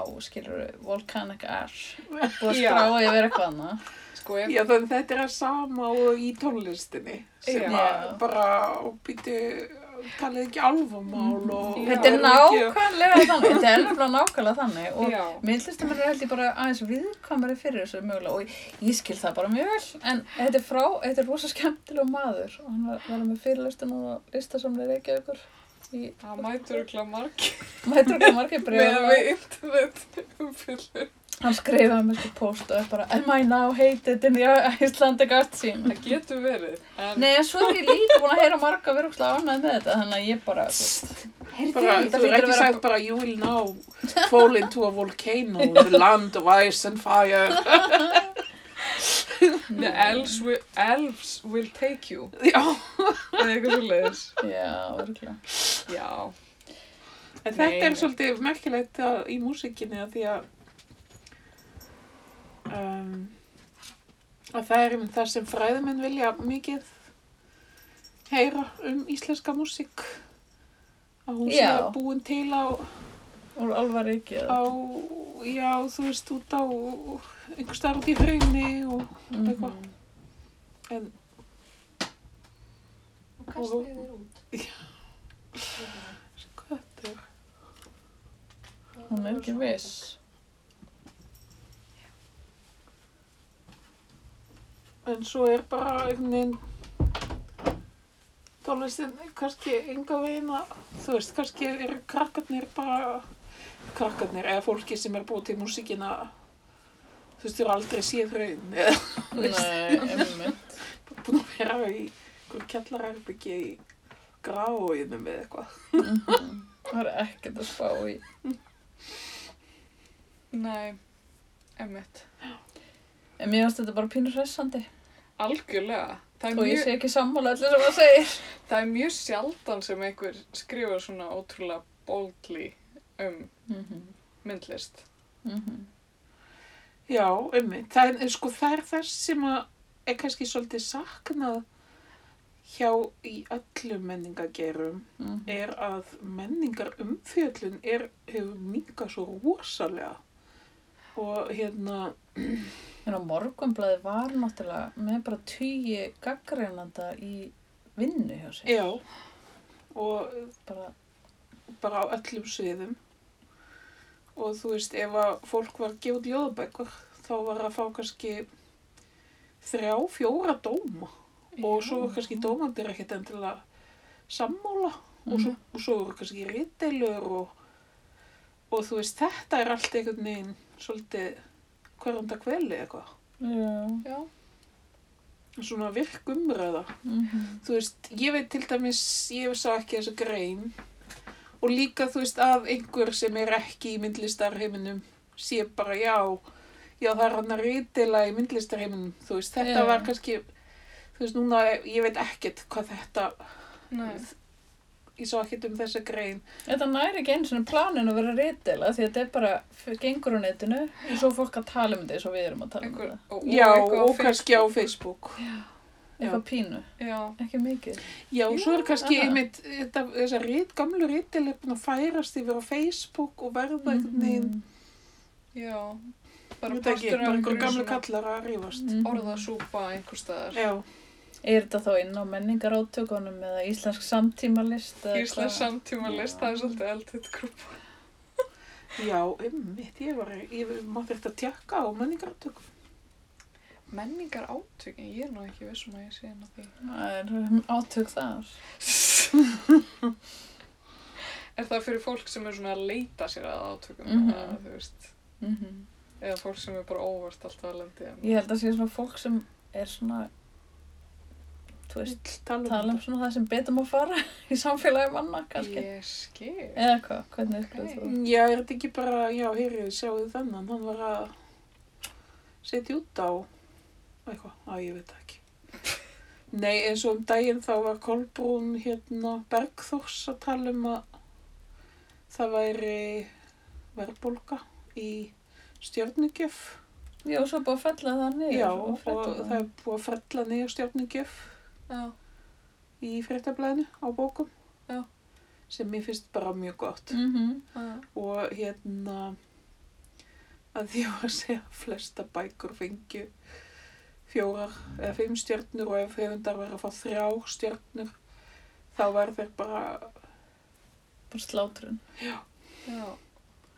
En þetta er, þú veist, eins og svo kannski er þetta fimm stjörnu, fimm stjörnur, en dómurinn er kannski þryggja stjörnu. Mm. Þannig að, þetta er til dæmis eitthvað sem er auðvitað inn á menningarátökum. Já. En hafið þið fengið dóma um svona ykkar verk, byrt? eða? Mm, Nei, sko hérna einu sinni var,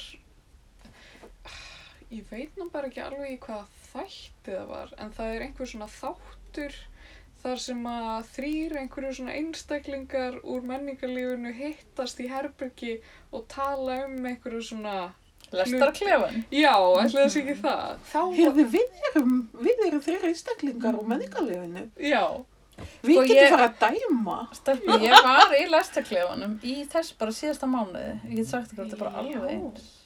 Já, er það ekki? Hjá okkur núna. Já. Eða náttúrulega er Það það er alveg skemmtilega. gáfulegra. Nei, sjokk. þú fær ekki freyðið í það, sko. Nei, það var ekkert freyðið við. Og var þá verið að tala um sýninguna hérna? Já. Mhm. uh, bara þarna í vor um, og já. Mér var svolítið áhugavert já, að heyra einhvern annan tala um sýninguna heldur en ég. Af því að það er svolítið áhugavert öll frétta umfjöllun og, og hérna, tilkynningar og svoleiðis það er allt þú veist, sem myndlistamæður, þá er eiginlega allur textinn frá manni sjálfum. Mhm. og það, þá, þú veist, basically ef maður er að fara að halda sýningu þá sendur maður út fréttatilkynningu sem er bara einhvers svona texti og svo ef, ef það er byrt þá er það bara svona textin sem maður sendi inn eða eitthvað svona smá editera niður Mhm. og það var svolítið áhugavert að heyra einhvern annan vera að hafa skoðanir á, þú veist Mhm. þetta er ekki bara ég í viðtali, þetta er bara einhver annar í viðtali um hvað Mhm. ég var að gera Já. Mér finnst það svolítið áhugavert. Ég var reyndar, já, ég man, man samt eiginlega ekki alveg hvað þið voru að segja. En sko, en, en það, þú veist, út af því að líka út af því að verki mín eru svona, þú veist, litrík og fyndin að þá uh, er oft svona impuls hjá fólki að halda að þau séu léttuðug Já.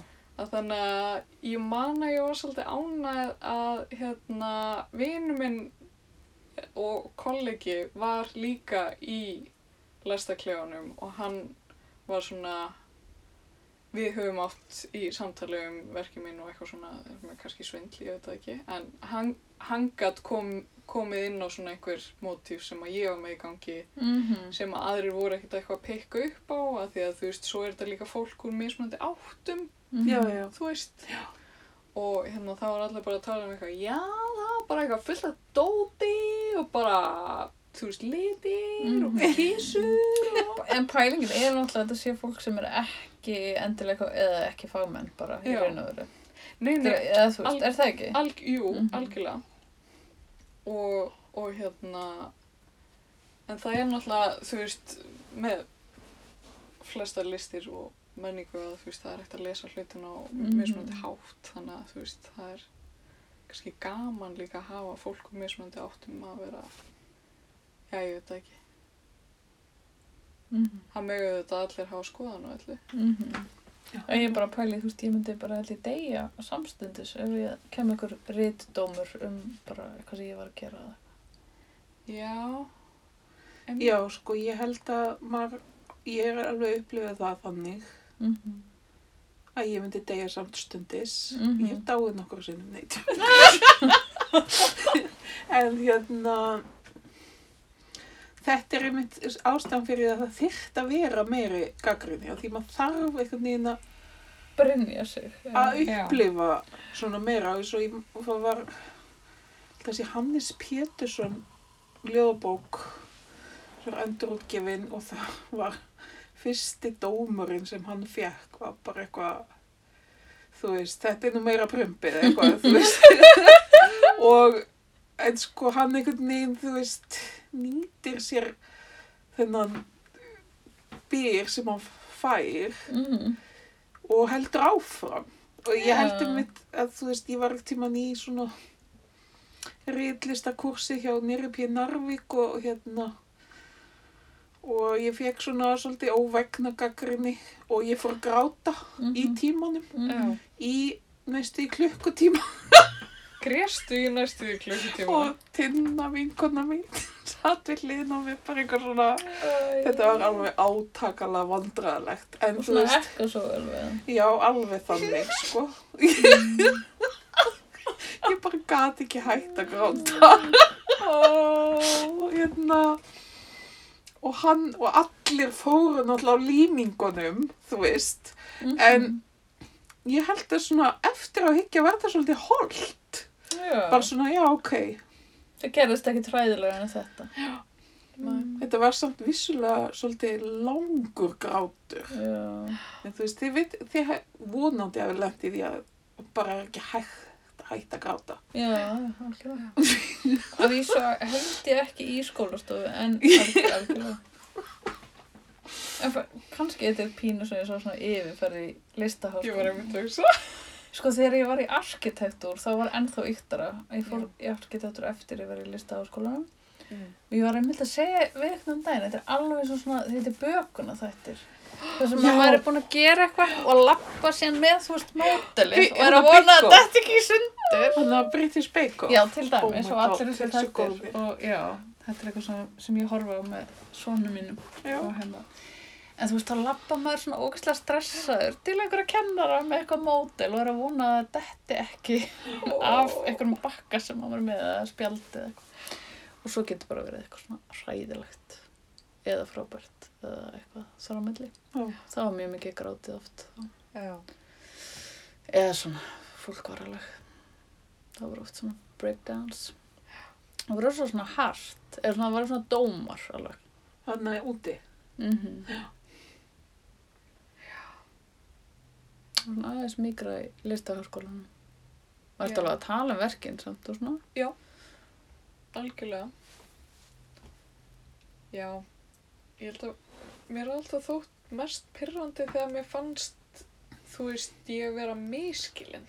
Já. Eða eitthvað þannig. Að þú veist, þetta var þannig í, þú veist, ég man aðalega eftir þessu einu sinni í FB. Að þá fekk ég einhverja gaggrinni sem ég fannst bara svo ósengjöld. Af því að þetta var enga veginn, þú veist, það eða, ég, man ekki einu sinni hvað var sem að ég var að gera. Ég man bara, mér fannst, mér fannst þetta svo hrikalega ósengjöld. En ég veit ekki hvort það hafi í raun og veru verið það.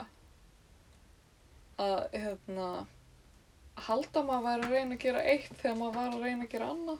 Mm. En þá kannski, þú veist, Þú veist. já. Æ, ég veit ekki. Það er erfitt að vera miskilinn. Það er óskup erfitt. Ég var nú einu sinni í listaháskólanum Mm.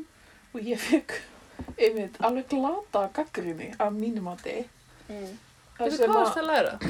ég byrjaði í fatahönnun. Aha. Ég var ólétt af Ísolt Mm. en hætti að því ég var svo mjög ólétt. Mm -hmm. Ekki mjög miskilin.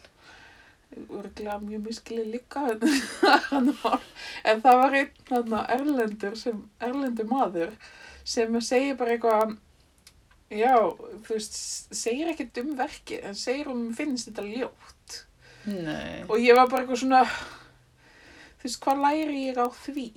Mm -hmm. Finnst það einhvern veginn, ok þið, Hvað er uppbyggilegt við það? Já, þú veist, þetta eru þú ert í námi þá að svona fá eitthvað uppbyggilegt. já ég haldi það sko svo náttúrulega býjum gaggrinn þetta Mm -hmm. Við höfum alveg svolítið svona fengið að finna fyrir því stundum. Er hann svona gaggrinin almennt bara? Gaggrínin almennt. Svona á Bara, ó, einhverju þetta fjölskyldum. verið í svona sokkum. Nei, alls ekki. Allir yfirleitt mjög byggilegur. En hérna, en við höfum svona kynst því að tónlistamenn Já, já, geta já. verið mjög svona, Sárúti hann. í, þeir eru bara, mjög, þú veist, eru viðkvæm, viðkvæmir og líka, þú veist, maður er að s- gefa, gera eitthvað Mhm. og þú veist, ég held að sé nú ekki þannig mikið, þannig nú til dags, en þú veist, í gamla dag þá var maður kannski á djamminu og þá, þú veist, kom einhverjur fullt af einhverjum Mm. gaurum og umkringd arnar og bara eitthvað, já, já, þú veist, að því að þeir kannski vilja heyra gaggrinni en samt vilja heyra ekki Mhm. og samt vilja heyra, þetta er Vilja svona, bara góða. Ekki. Var ekki líka einhver eldfim grein sem hann skrifaði um Nirvana. já, þá fengum við morðhótanir, Nei. alveg ángríns og já, Shit. Bara alvöru. þegar hann sagði Nirvana vera ofmyndin, bara þú alltaf að segja þetta upp átt, Það við getum alltaf að hugga okkur við að kannski hlustendur Nirvana og na, frú Barnaby er ekki mjög... Ekki kannski. Nei, ég veit ekki, ég hlusta reyndar alveg á Nirvana sko. Þetta er svona úlingar hljómsveit. Já, ég var einmitt að hlusta á Nirvana um daginn og ég var bara svona, þetta er ekkert svo ofmyndin. Veistu, ég var að hugsa þetta um daginn. Ég er eitthvað svona, vá, þetta er eitthvað svona væpa af einhverjum tíma sem er liðin. skilurðu. Ég svona, þetta er svona kjarna, svona úlinga Já, minning mín. Ég er svona að hlusta á Nirvana í fermingagræðanum mínum og það er bara eitthvað rape me í botni. Og ég með þetta úrslag hátt og mamma bara eitthvað þú átt lítil sískinu, þetta er bara ógeðslegt lag, bara hvað hætti svo, ég var bara, mamma, mamma, bara, reyður þess að tónlistina, eitthvað svona, og þetta er bara svona, þetta moment er svona eitthvað svona úlings, mér finnst þetta bara ekkert eitthvað skrítið. Nei, veit. Já, það er gott að muna eftir að vera úlingur, hafi verið úlingur, Mm þegar maður þarf að díla við úlinga. Það var hérna systur þáttur okkar, hérna, Tvíhöfði. hérna You're Wrong About. Þau, Já. þau eru by the way að hætta, Nei, ándjóks. ég er mjög hrifin af honum Michael, hann Hobbs. Já, Ég ætla alltaf að hlusta á þetta, ég heyrði ykkur eitthvað mann tala um þetta. hann er að hætta í þættinu. Andskoti.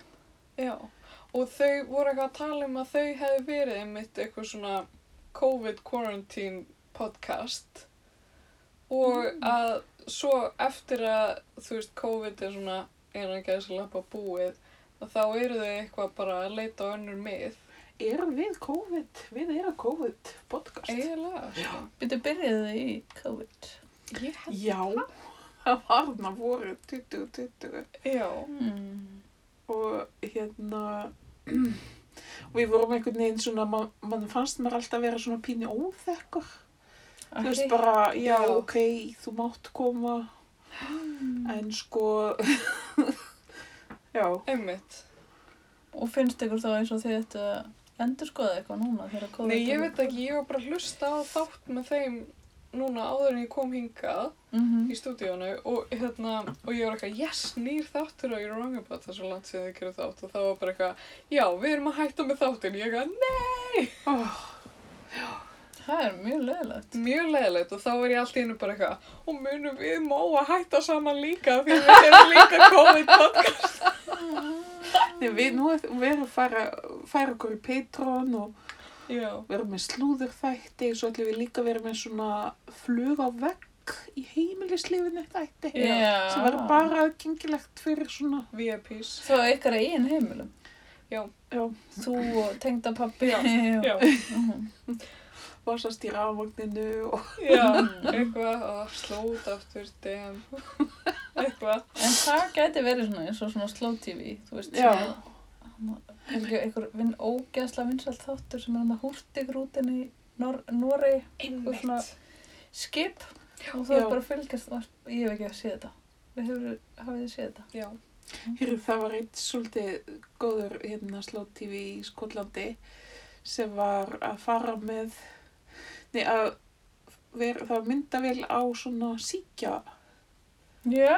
bát og svo var hann bara að sigla hann í gegnum, hann við vorum hann rétt hjá þessum danbýr Mm með, hjá síkinu og hérna já, kannalbát og hérna og það var hægt að horfa þetta brettalust sko. mm. Móa og Arnar sérst tóku við vinum okkar í Edinborg. Ah, Ókslega praktík. Já, það var mjög fyndið. Þau, ég hef sagt þér þessu sögð ekki. Ég veit ekki. Þau sem sett af kurtisi við ykkur bjóð okkur í tí Mm þegar við erum nýmætt. mm. Benni kom eitthvað í nokkra daga, Já. kynnt okkur fyrir Dan og, og hann bara, já, yes, hérna, vil ekki bara koma í tí? Og við bara, ok, klukkan sex, ég bara, já, drekkum að til þá. Skrít. komum þangað klukkan sex og þá var þetta kvöldmatur við bara, ah, ok, tíð því kvöldmatur allt í lagi svo sem sagt þetta er örglega þú veist á viku 2 eða 3 eða eitthvað Mhm.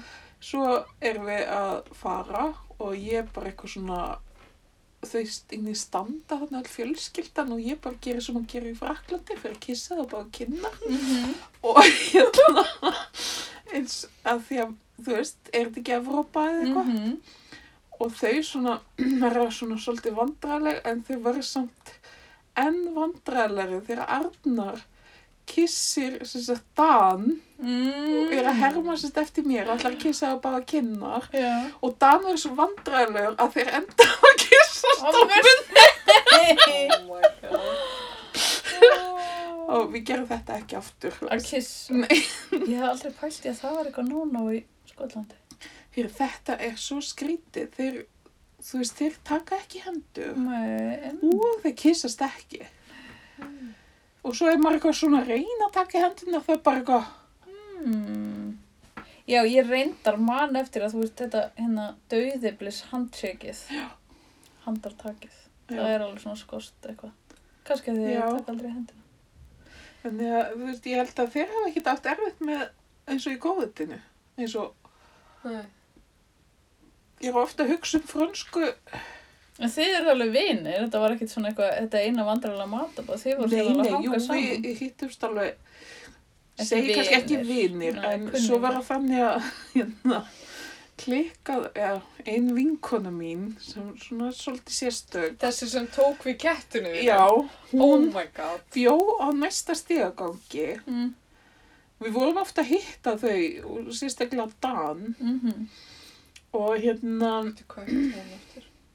Antoni bjó á næsta stegagangi og sonur hennar, sonur að staðan voru vinnir. Þannig ég var mjög ofta að hitta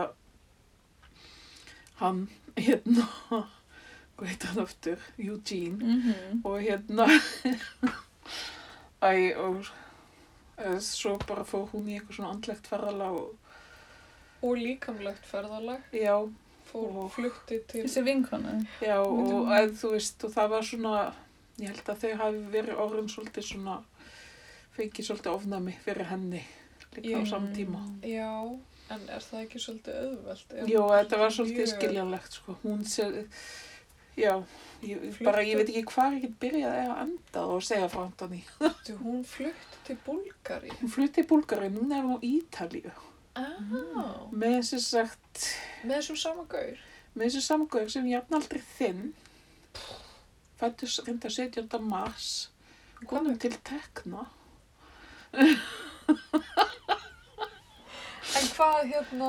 En ég held að þau hafi bara skiljið köttin eftir í Búlgaríu, sko. Mm. Þau þetta fluttu, hún flutti með ekkert plan og tvöpað til Búlgaríu Og kött. og tvo ketti, Þetta er skosk kona eða? áströlsk af ítölskum ættum. Mm. Hérna, og þú veist, enga tekjur, ekkert. Búin að lifa í rauninni svolítið á skoska kerfinu, þannig séð. Þannig að þau flytja til Búlgaríu með kettina og þetta var mjög skuggalegt. Ég bara eitthvað var að tala við hann á Skype og hún var bara eitthvað í úlpu og með sæng og greinlega ekki hægt að Vá. hita upp og og hérna, Bara svipað í Skotlandi. Já, og var eitthvað svona, svo þú veist, heyrði ekki inn í marga mánuði þá var hann komið til Ítalíu og var alveg hægt að tala um köttinn og Mm. eitthvað. Heyrðu, við erum að, Já, við erum að taka pík. einu hálf tíma í viðbót. Já, hversu lof. Við eigum- eigum alveg efni í það, sko. Já. Mhm. En hérna, segðu okkur aðeins frá þessum þætti sem við letum þið að horfa á, bara svona ganni. Já, ég horfði á hérna fyrsta Barnaby þátt sem hefur verið gerður. Frá Mm. hvað ári er þessi þáttur, veist það? 97. Ó, ég, ég held að það er bara frá 82 eða eitthvað. Já, estetikinn svolítið þannig. Já. Sko, ég nautist mjög að horfa á hana þátt. Ég sopnaði samt þreys og sinnum. og ég þurfti að horfa á hana svona yfir tvo daga. Ég held að ég hef verið að róast svo rosalega mikið að ég horfa á hana. Ég reyndar sopna mjög oft þegar ég er að horfa á eitthvað. Barnaby sem hugleðisla. Námskeið sem við ætlum að halda. Mér, finnst þetta strax hljóma eins og eitthvað sem við myndum kenna á námskeiðinu. Svo við sopna, bara ekkert vera berjast gegn því að sopna. Mhm. Þetta getur verið hjá endumöndum. Já. Barnaby sem hugleðisla. Núvitund í sí, uh, sí rö- röðum heimi. Já, Mhm. í nútímanum Já. eitthvað. Þetta sé alveg business plan. Eða ekki? Mm uh, en þetta var bara mjög fyndin þáttur. Það var náttúrulega sást ekkert blóð, fólk var myrt, það var alls konar tvist. Það voru mæðginni sem að voru njóstna um alla í þorpinu. Mamman var með svona turnglugga. Svo átt hún son sem var svona sjúklega slísi.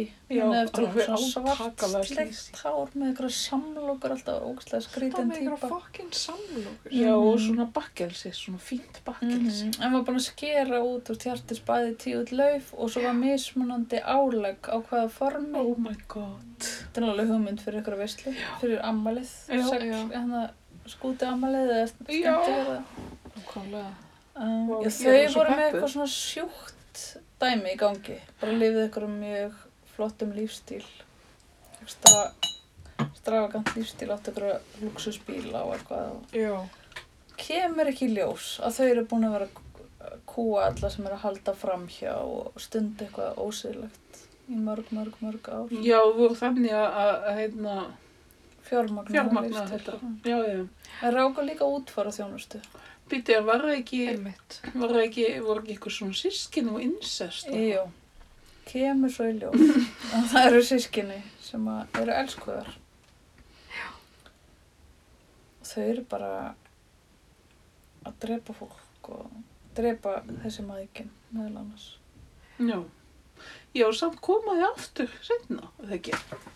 Já, en Í það er öðru svona... þætti. Já, við, ég held að við höfum talað um þetta í frú Barnaby tímann að, að þau koma sagt aftur sem karakter og Barnaby er bara eitthvað hef ég ekki séð ykkur áður?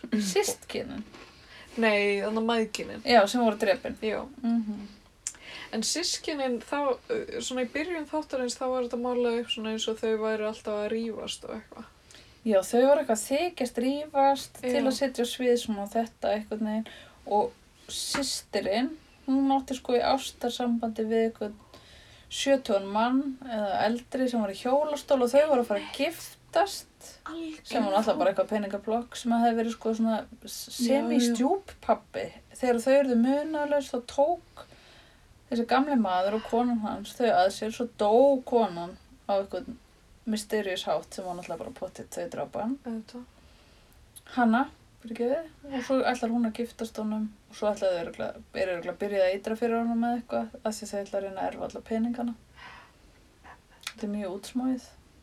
Ok, já. Og þetta með incesti kemur svona í ljósa því að það er eitthvað badfóstra að segja frá því að hún hefði bara komið að þeim ástar allótum eitthvað tíman, sískinanum. Og En- þau byggu saman. Já. En bróðirinn, hann er svona lone wolf artist típa. Mhm, Einmitt. Já, klikkaði listamæru. Já. Það er með þess að eitt sönnunagagn í þessu máli er svona nektarmynd sem hann er búin að mála málverk stórt af systur sinni. þar sem hún er í svona erotískri stellingu. Vá, hvað ég er búin að gleyma þessu. Ég get bara hótt á hann aftur núna. En þetta, er, en þetta er nefnilega svona recurring motive í Barnaby er að málverkið er svarið Er það? að gátunni. Sko ég man eftir öðrum þætti sem þið voru að tala um sem var eitthvað svona skúltúrgarður. Já. Já. Það er svona eitthvað listamanna og svo nefndi þú líka einhvern annan þátt sem var eitthvað listamæður í. Já, það var þegar uh, frú Barnaby, þín, Mm -hmm. uh, Joyce, hún er á vasslitanámskeiði og það er einhver uh, hérna, nefandi á vasslitanámskeiðinu sem er bara drepinn bara að degi til, bara út í runna. Ó, Þetta er hérna svona alla príma fyrir hérna bara eitthvað mála eitthvað í einhverjum smábæ þannig í Mhm. midsommar og hérna og Joyce er alltaf einhvern veginn að lenda í svona það er svona fannst mér bara alltaf reyndið en hérna en já svo einmitt í þeim þætti þá, þá endar sko vasslita myndin sem að maðurinn sá myrtur mm. var að mála það endar að vera svarið. Mm -hmm. hann var að mála einhvern svona turn og upp í turninu er klukka. Mm og hann málar klukkuna þú veist, klukkan eitthvað ákveðið. Og það gaf einhverja vísbendingu um hver morðingin var. -hmm. Ok, já. eða eitthvað. En hafi ekki líka séð oft í svona hérna, morðþáttum að það er eitthvað svona já, vitum hvenar hann dó út eða klukka, þú veist, úrið hann stoppaði Já, já, já. Mhm. já. er þetta ekki eitthvað rugl? Nei, ekki alltaf. Kannski við fengið mikið högg á þig sem fer líka úrið.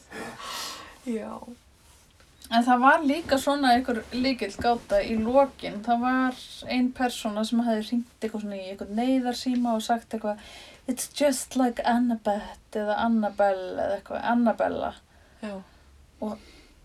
Barnaby er alltaf að reyna að fatta hvað þýðir og reyna að finna þessa Annabellu og er bara, þú veist, það er eitthvað sem heitir Bella og hún heitir alls ekki Annabella. og Já, já. Svo endar þetta á því að hann er á frumsýningu og leikriti hjá dóttur sinni sem er í háskólanum og hún er að leika Annabelle og það er svona incest dæmi Ah. og er svona saga sem vísar í þessa sögu. Aha. Ég man ekki alveg hvað leikriti þetta var. Ná, ég maður það ekki. Ég held að þessi svona svepppásur hjá mér höfðu smá áhrif á upplifunni. Ég er svona pínu... svona Þú samt vera með þetta allt á hreinu. Já, Æ, þakka þér ég er að segja það. En þetta er svona eitt dæmi líka um hvernig Barnaby var alltaf mjög svona absent uh, föðurfígura út af því að hann er hann á leikritinu hjá hann í Kölli okkar og svo bara fattar hann svarið við gátinu og þá er hann bara farinn sko. Mhm. Það reynda gerist ekki þessum þætti. Ekki? Af því að hann var búinn að leysa málið. Oh. Og hann var svona, ó, þetta, þetta var einhvern veginn bara svona eftir á, þú veist. Ok. Svona síðasta púslið sem vantar. Ok, Já, já, já. já. gott fyrir hann. En þessar löggur eru náttúrulega alltaf svona fjárverandi, eða ekki? Svona klassíst. Allavega hann. Og þessu þáttum eru þeir samt alltaf líka konunnar og allt, bara svona Já, skilja við makan. Vinnan er eina sem kemst að. Mm Þetta er alveg eins og hjá okkur culture wor- worker. Að segja það. Mm -hmm. Listin séður aldrei og svona eins og glæpirnir. En ég held að ég get alveg komist upp og lægi með að fara að horfa á þetta sem svona slökun. Nú, Já. hvað sagði nú? Eftir námskeiðið hjá öndumöndin. svona, Og nú skulle þið bara setjast í þægileg sæti og bara, ég vil setja á okkur teppi Já. fá eitthvað papp. og bara leifið Barnaby. Já. Mér finnst þetta mjög inspirerandi að þeir eru svo ofta að tala með þessi latar í, þa í þáttunum, sko, Ó. sem ég trúi reyndar ekki alveg, en ég er svona, finnst það svona, þetta er svona góða, góða fyrirmyndir. Maður á ekkert alltaf að vera að, sko. Nei, ég veit það, ég veit það, en það er er fólk, það er ekki allir með þetta reyna. Nei, já, þannig við gætum í rauninni miðlað einhverju. Ég meina það. Ég meina það er alltaf fólk er eitthvað að reyna að finna leiðir til að róa sér niður. Getur bara að ráða Downton Abbey eða eitthvað. Já, nei sko ég, ég myndi segja að ég horfi ekki á Barnaby eitthvað svona bara til þess að vera eitthvað svona entertained eða þannig. Þú veist, þegar ég horfi eða á sjónvarpið þá langar mig að bara svona slekka Mhm, og þetta er mjög gott efni til þess að gera það sko. mhm. Þú veist, og Það svo er samt maður, hægt að leysa allir þessi mál sem eru mjög flókin. Já, En en svona, maður getur látið, þú veist, þáttinn bara svona leiða sig áfram og svo getur maður, þú veist, rætt það eftir á, þú veist, ef maður var að horfa með einhverjum öðrum þar að segja, þú veist, var, fannst þér þetta vera áttin sem að þátturum var að taka í? Sko, nýjustu þættinni, við erum búin að vera hósvöldi á nýja þætti í orðnar mm, og þeir eru alveg bara, wow. Man verður alveg kolrugglaður, aha, Þeir eru stórfurðulegir Já. eða ekki? Mér starka finnst þeir vera að reyna of mikið, Eða sko. það ekki? Að því við vorum ekkert tíman eftir eitthvað þátt bara, já, býtu, hvað gerðist þarna? Þetta var eitthvað svo, þetta var svo húsla marga flækjur. En já, Mér fannst það, sko, finna það mjög stert með, með hann bíflugna þátt, þannig. já, já, já, Nýlegur. já, það var öll sá. Það sem að er jógakennari og, og það er einhver sem er að búa til eh, hérna eitthvað svona bívaks og svo er eitthvað kaffihús sem að fókusera inn á bíflugurnar eða hunangi eða eitthvað og svo er eitthvað svona Nei, ok, og svo er annar þáttur í sömu seríu það sem er eitthvað svona internet cafe. Já, já, já, nei, já, ég ruggla við hann, já. Oh my god, það er fyndnast í þátturinn og þú veist, þetta kaffihús, eitthvað svona internet kaffihús, það er eitthvað svona allt rosa, svona sci-fi þar inni og maður er eitthvað hversu vel gengur hjá þessu internet kaffihúsi, eru internet kaffihús einu svona til í nútímanum? Einmitt. Er þau ekki dauð bara? Þú veist, ég held það, Ekki midsommar. ekki, og það það er eitthvað svona, ok, eitthvað lélegt internetsamband í þessum litla bæ, en þið getið komið á internetkaffihúsi, eitthvað. Svo er eitthvað, já, það var þannig að þau eru búin að búa til eitthvað teiknimyndafíguru sem var eitthvað svona úlfur, Já, mannst já, ekki já, því? já, já. Það Svo- var í þessum þætti þarna. Svo var einhver að þykjast alltaf vera þessi úlfamaður og var já. að drepa fólk og maður eitthvað svona, þetta er ekki, þú veist, á Barnaby að vera að leysa svona gátur. Nei, einmitt, þetta var komið eins og langt frá upprunanum, kannski. Já, Já. Já. mér finnst betra ef það er bara eitthvað svona incest. En, Ok. en svona útgangspunkturinn í þessum fyrsta þætti voru líka bara eitthvað gamla konur að safna blómum eða finna eitthvað svona sjaldgætt blóm, Já. drekka te. Og. Eftir þáttin var maður ekki svona incest, morð, þú veist, þetta var svona væpið, var svona te. Já, kona á hjóli, Mm blóm. Svo samlokur þannig. Útfarastjórin var alltaf að gera samlokur. Og þetta franska bakkelsi þarna. Já, -hmm. mér finnst, hann, hann var með einhverja samlokur sem var með eitthvað svona ansjósu einhverju og Mhm. mér finnst það eitthvað svona hljóma svolítið Ok, svona. ég tók hann lítið eftir þess að já. Æ, ég má bara, ég hugsaði, ah, ég veit ekki hvort að ég myndi borða hvítt brauð með ansjósum. Nei, það mitt. Nei. En marmætt. Ég er ekki marmætt manneskja. Mér finnst, sko, mér finnst það vond gott. Mm Samt Pínu vond, samt pínu vond gott. Æ, ég veit það ekki, ég, þú veist, ég hef alveg þarna, þarna út í Skotlandi, ég hef alveg fengið mér skonsu með marmætt og bara ekkert verið að spáð í hlutunum, sko. Nei. Það hefur alveg gerst. Með þið? Ég er bara á sama stað, sko. Ég er ekki að kaupa mér þetta svona viljandi. Nei, mér finnst þetta samt eitthvað skemmtilegt. Mér finnst hugmyndin um þetta mjög góð, sko. Já. Sammála því. ég, ég er svona, ég vil eiginlega ekki vita hvað þetta er. Ég sá sko óvart eitthvað þátt um hvernig marmætt er búið til. Ok. Og ég var samt einhvern veginn, það var svo mikið af svona eitthvað yðnaða leyndamál að ég var einhvern veginn samt ekki, vissi eiginlega ekkert mikið meira. Nei, ok. Úr hverju er marmætt? Og geri Já. og e- einhverju. Er þetta ekki kjötkraftur? Jú, það er eitthvað kjött og ge, eitthvað jíst. Uh, já. já. Jú, af því að það er nefnilega til síðan veggie. Já. Vegemite. Ég er bara á mjög hálum í sinna, ég ætla bara að hætta að tala um þetta. Já. Ég veit ekkert. Svo En það, ég- það er spurning hvort höfum tíma fyrir smá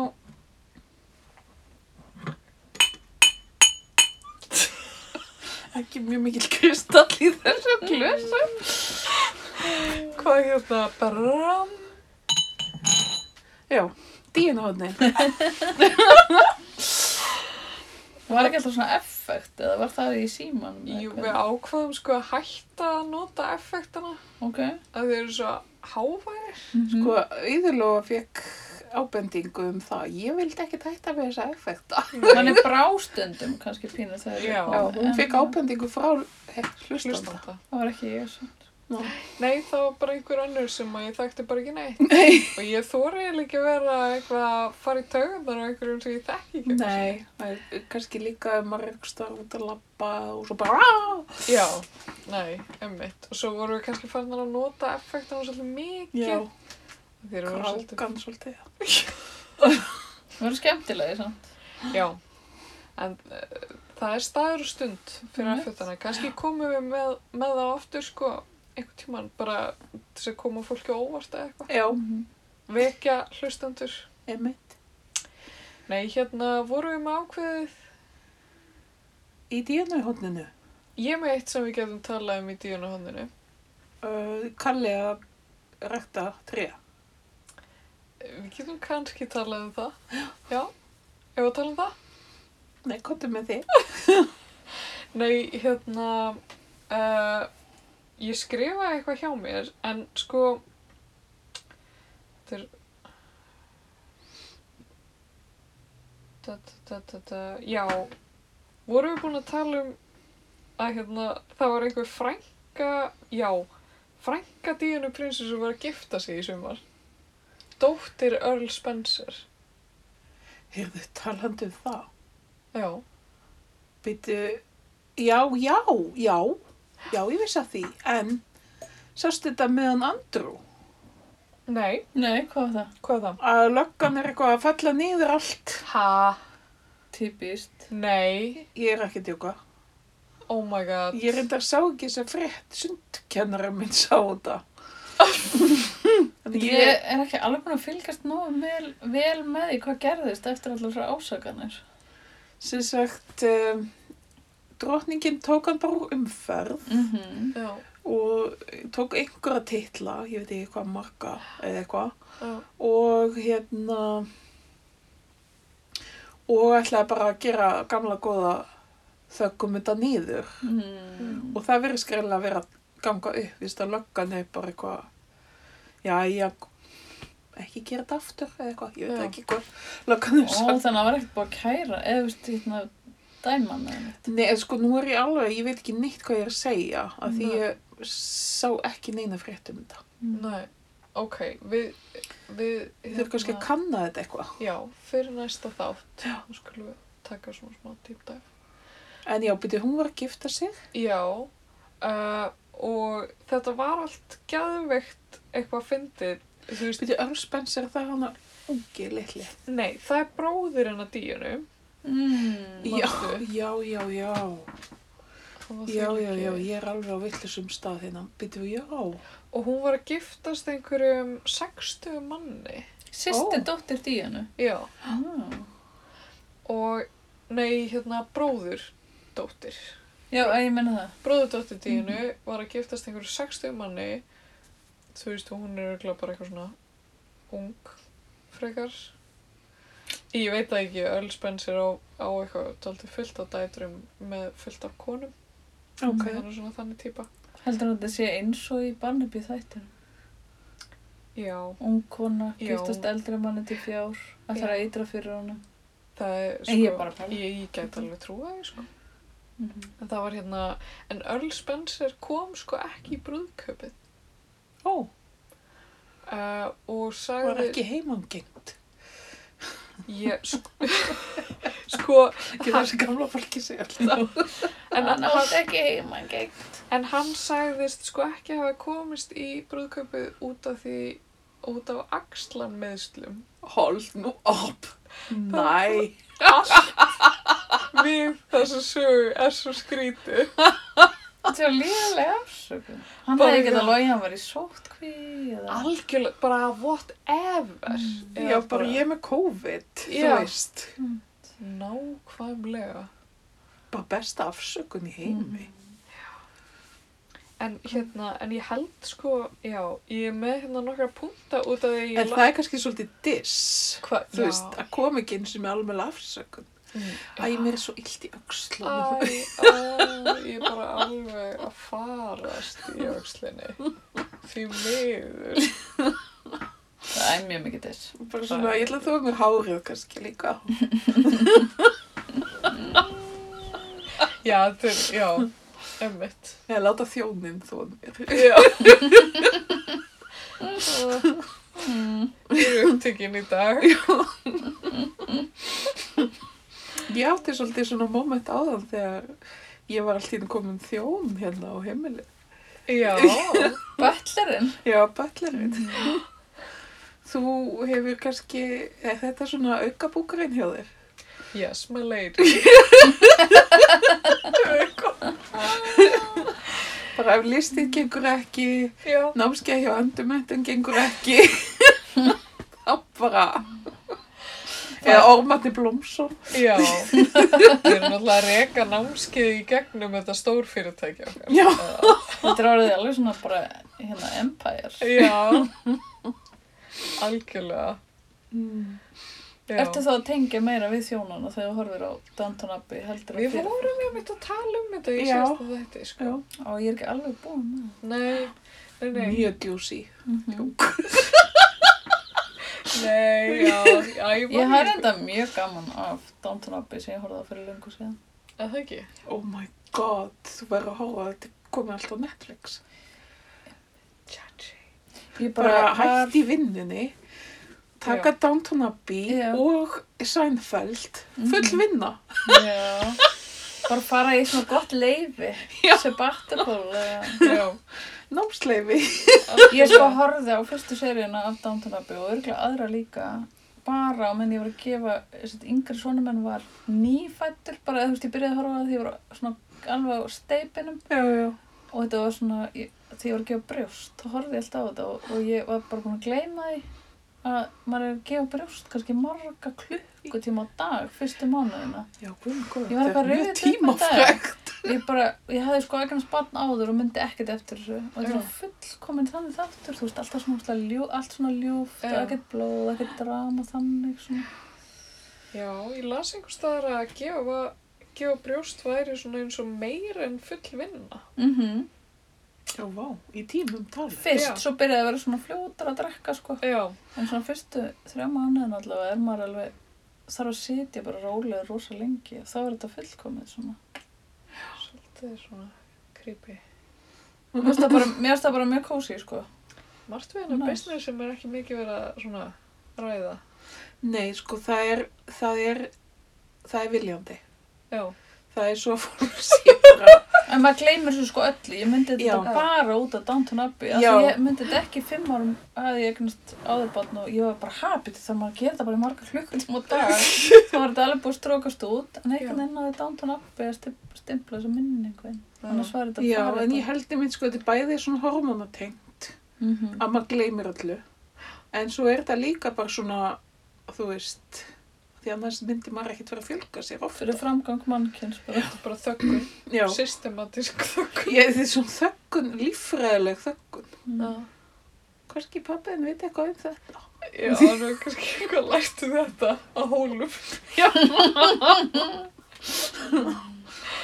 Já, já. Nei, svo þetta að ég man alveg þegar Ísolt fættist og ég hugsaði, nei, þetta ger ég ekki aftur. Bara hugsaði það bara, þú veist, þetta, já, ok, ég er búin að þessu, ég ætla ekki að gera þetta aftur, aldrei aftur, ég hugsaði þessa hugsun. Já. En svo bara svona, þú veist, gleymist það. Og Karolina er líka bara einu ára yngri. eða eitthvað. Já, þú veist, hún er alveg, hún er eiginlega tveim árum yngri en hún er bara fætt Já, í desember, sko. já. Þannig að, því að ljósmóðurinn mitt sem kom að heimsækja okkur, hún er mynd horfið líka bara áttölin og var bara já, því er náðu þess að taka þér rólega svona. Var bara eitthvað svona, hætt að sofa saman þá. bara, já, ok. Þú veist, að því að þetta er alveg eðlilega munur á sískinum, sko. Ár, já. En að því að þú veist, já, að því að vill svo til að það eru sikkur skóla árum. Já. Mm. Mm, já. En ég ætla bara að finna mér eitthvað góða, góða axlameðsl og fara í Downton Abbey aftur. Við getum rettað þér. Já. bara núna. Já, já. Mm Bara hendur niður stíðinu. Þetta er rosalega er, stíl. já, þú ekki segja svona og ég fæ alveg fyrir hjartað. Já, hef- hálsbrota. Stelpunar hafa sko dottið niður stegan og ég fæ bara, já, já, ég fæ alveg martraðir með þetta. Í alvöru? Sko það, te það var teppi á þessu Já. og þá var þetta ennþá sleipara og þá bara svona, fún, Einmitt. Það eru rosalega brattar. Við finnum einhverju leið. Já. Þú workshopaði þetta þess á námskeiðinu. Hérna, er eitthvað að lokum sem þú vilt koma á framfæri við, við hlustendur? Við hlustum þau eru ekki að finna eitthvað, eitthvað loka lag. Mér finnst bara eitthvað svo ógeðslega leiðilegt að ég hafi ekkert yfir eitthvað að segja ég hefði engin áhuga á kongafólki og svona en ég var bara að meina þú veist þess vegna er ennþá ótrúlega að ég sé svona mjög aðdánandi Já. en hérna, fyrir þá sem að elska dýin og kongafólk þá hefur þetta örugglega verið mjög leiðilegt Það er, það er prins á landinu. Já, Friðrik Friðrik bara... Dannaprins. Já. En svona af, sem fyrirverandi nýlenda þá hef ég ekki mikið áhuga á dansku kongafólki. Nei, Það er ekki mjög áhugavert. nei, ég held ég sé kannski að fylgja dönsku konusfylskilduna á Instagram. Hól, nei. Jú. Ég hitt einu sinni, ég var að segja ykkur þetta því ég mögulega kunna að meta þetta Ok. Þannig að mann sænsku prinsessuna og talaði við hann What? á listamessu í Stockholm Ó, vá. Ég man ekki hvað hann heitir, sem var eh, enga þjálfarinn hennar Já, já, já. og svo giftust þau. Maðurinn á Viktoríu. Uh, já, einmitt. Og þau var barn sko- sem heitir Stella, held ég. Já. Hann var að skoða málverk eftir Eggert Pétursson og var mjög áhugasamur, svona blómamálverk Ok. og ég var að segja hann frá því. Þurftur að neyja þig. Nei, ég mátti bara hafa mig frjálslega, hann hafa mig lífverði og fekk að koma áður en að opna það. Ok. Það var bara mjög næst, sko. Enda alþýðlega maður, ég meina búin að vera það- enga þjálfari. Já, já. Hann var náttúrulega bara einhvað þjálfari. Hann var ekki alveg upp í þessu örugli. Já, þau eru mjög svona, það er svolítið svona keit í henni hann. Já. Í þetta dan danska kongahús. Hún er ekki hérna, hvað heitir Ok, ég veit ekki hvað mér á að finnast um þetta. Hérna er Margaret Danadrottning í Mm. grænlenska þjóðumbúninginu. Já, mér finnst það ekki smæklegt, sko. Hvað finnst ykkur um þetta? Oh my god, ég er bara, ég á Ég meik erfitt ekki með þetta þetta. nýlendu, þessa pælingu bara. Þetta finnst mér átakalegt. En ok, hérna, við ætlum kannski ekki að fara út í hérna, postkolonial tráma hérna. ekki að velja eitthvað lag. Já. Þú, þú mátt velja óskalag. Oh my god! Já. Ég bara, þú veist, þetta er ókliftur þáttur. Ég bara, ég er með svona í alvörunni, svona mjög vandræðilega þrá ekki að get ekki, þú veist, ég get svona eiginlega ekki sett á lag og það var alltaf að vera fullkomi lag. Ok. Ok. En hvað var bara fyrsta lag sem kemur upp í hugan? Það þarf ekki að vera upp á slæðið þetta eða neitt svolítið. Í alvörunni, ég get þetta ekki, sko. En, Ég en ég sem að þú svona- fær alltaf á heilan óvart. Heyrðu, en það er ógeðslega fyndið og þetta er mjög svona óviðandi og astnalegt. En Ok. hérna, þátturinn sem við vorum að tala um áðan, ég bara er alltaf með þetta lag á heilanum. Hérna, aðteglisbrestur og lokastíði. Það er fyndnasta lokalag sem er bara til. Það er með Miley Cyrus, mannstu eftir þessu lagi? Nei. Oh, en hún verður svo lengi að finna þetta. Það er svona coverlag með Miley Cyrus og, oh, jésús, það eru í svona bánsabúningum og alltaf tala, þetta er ógeðslega fyndið. Veitu? Oh. Ég trú ekki að þetta gera mér. En við getum samt ekki stólið frá öðru lagar, eða? Nei, það er bara svo fyndir lag. Við erum að hlusta það eftir. Ok, ok. Okay. Um, En hérna, við getum tekið einna mínútur hlið á upptöku. Ég skal, ég skal. Ég kom Ok, Það er hérna ok. eitt lag sem að ég mér langar alls ekki að hlusta á en mér finnst bara að finna þess þetta og til að svona minni með spilar það svona 500.000 sinnum. Hann var að læra Rick Roll, veit ég hvað það er? Já. Og hann er bara að spila það lag með Rick Astley, stanslust og það er bara svo fallið lag. Þetta er gott lag, sko. Er það yngre svona? Þetta er gott lag. Ég var alltaf að hugsa hvernig spilaði þetta lag? Svona er tæknin. Við notum hérna græjur og, og um,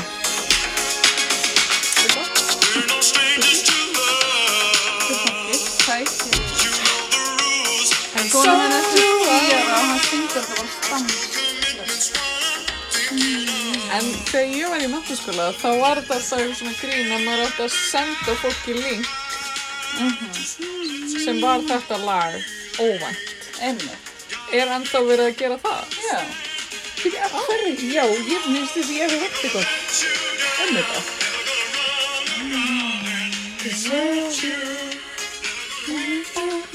Heyrðu, takk fyrir komuna. Takk fyrir að koma.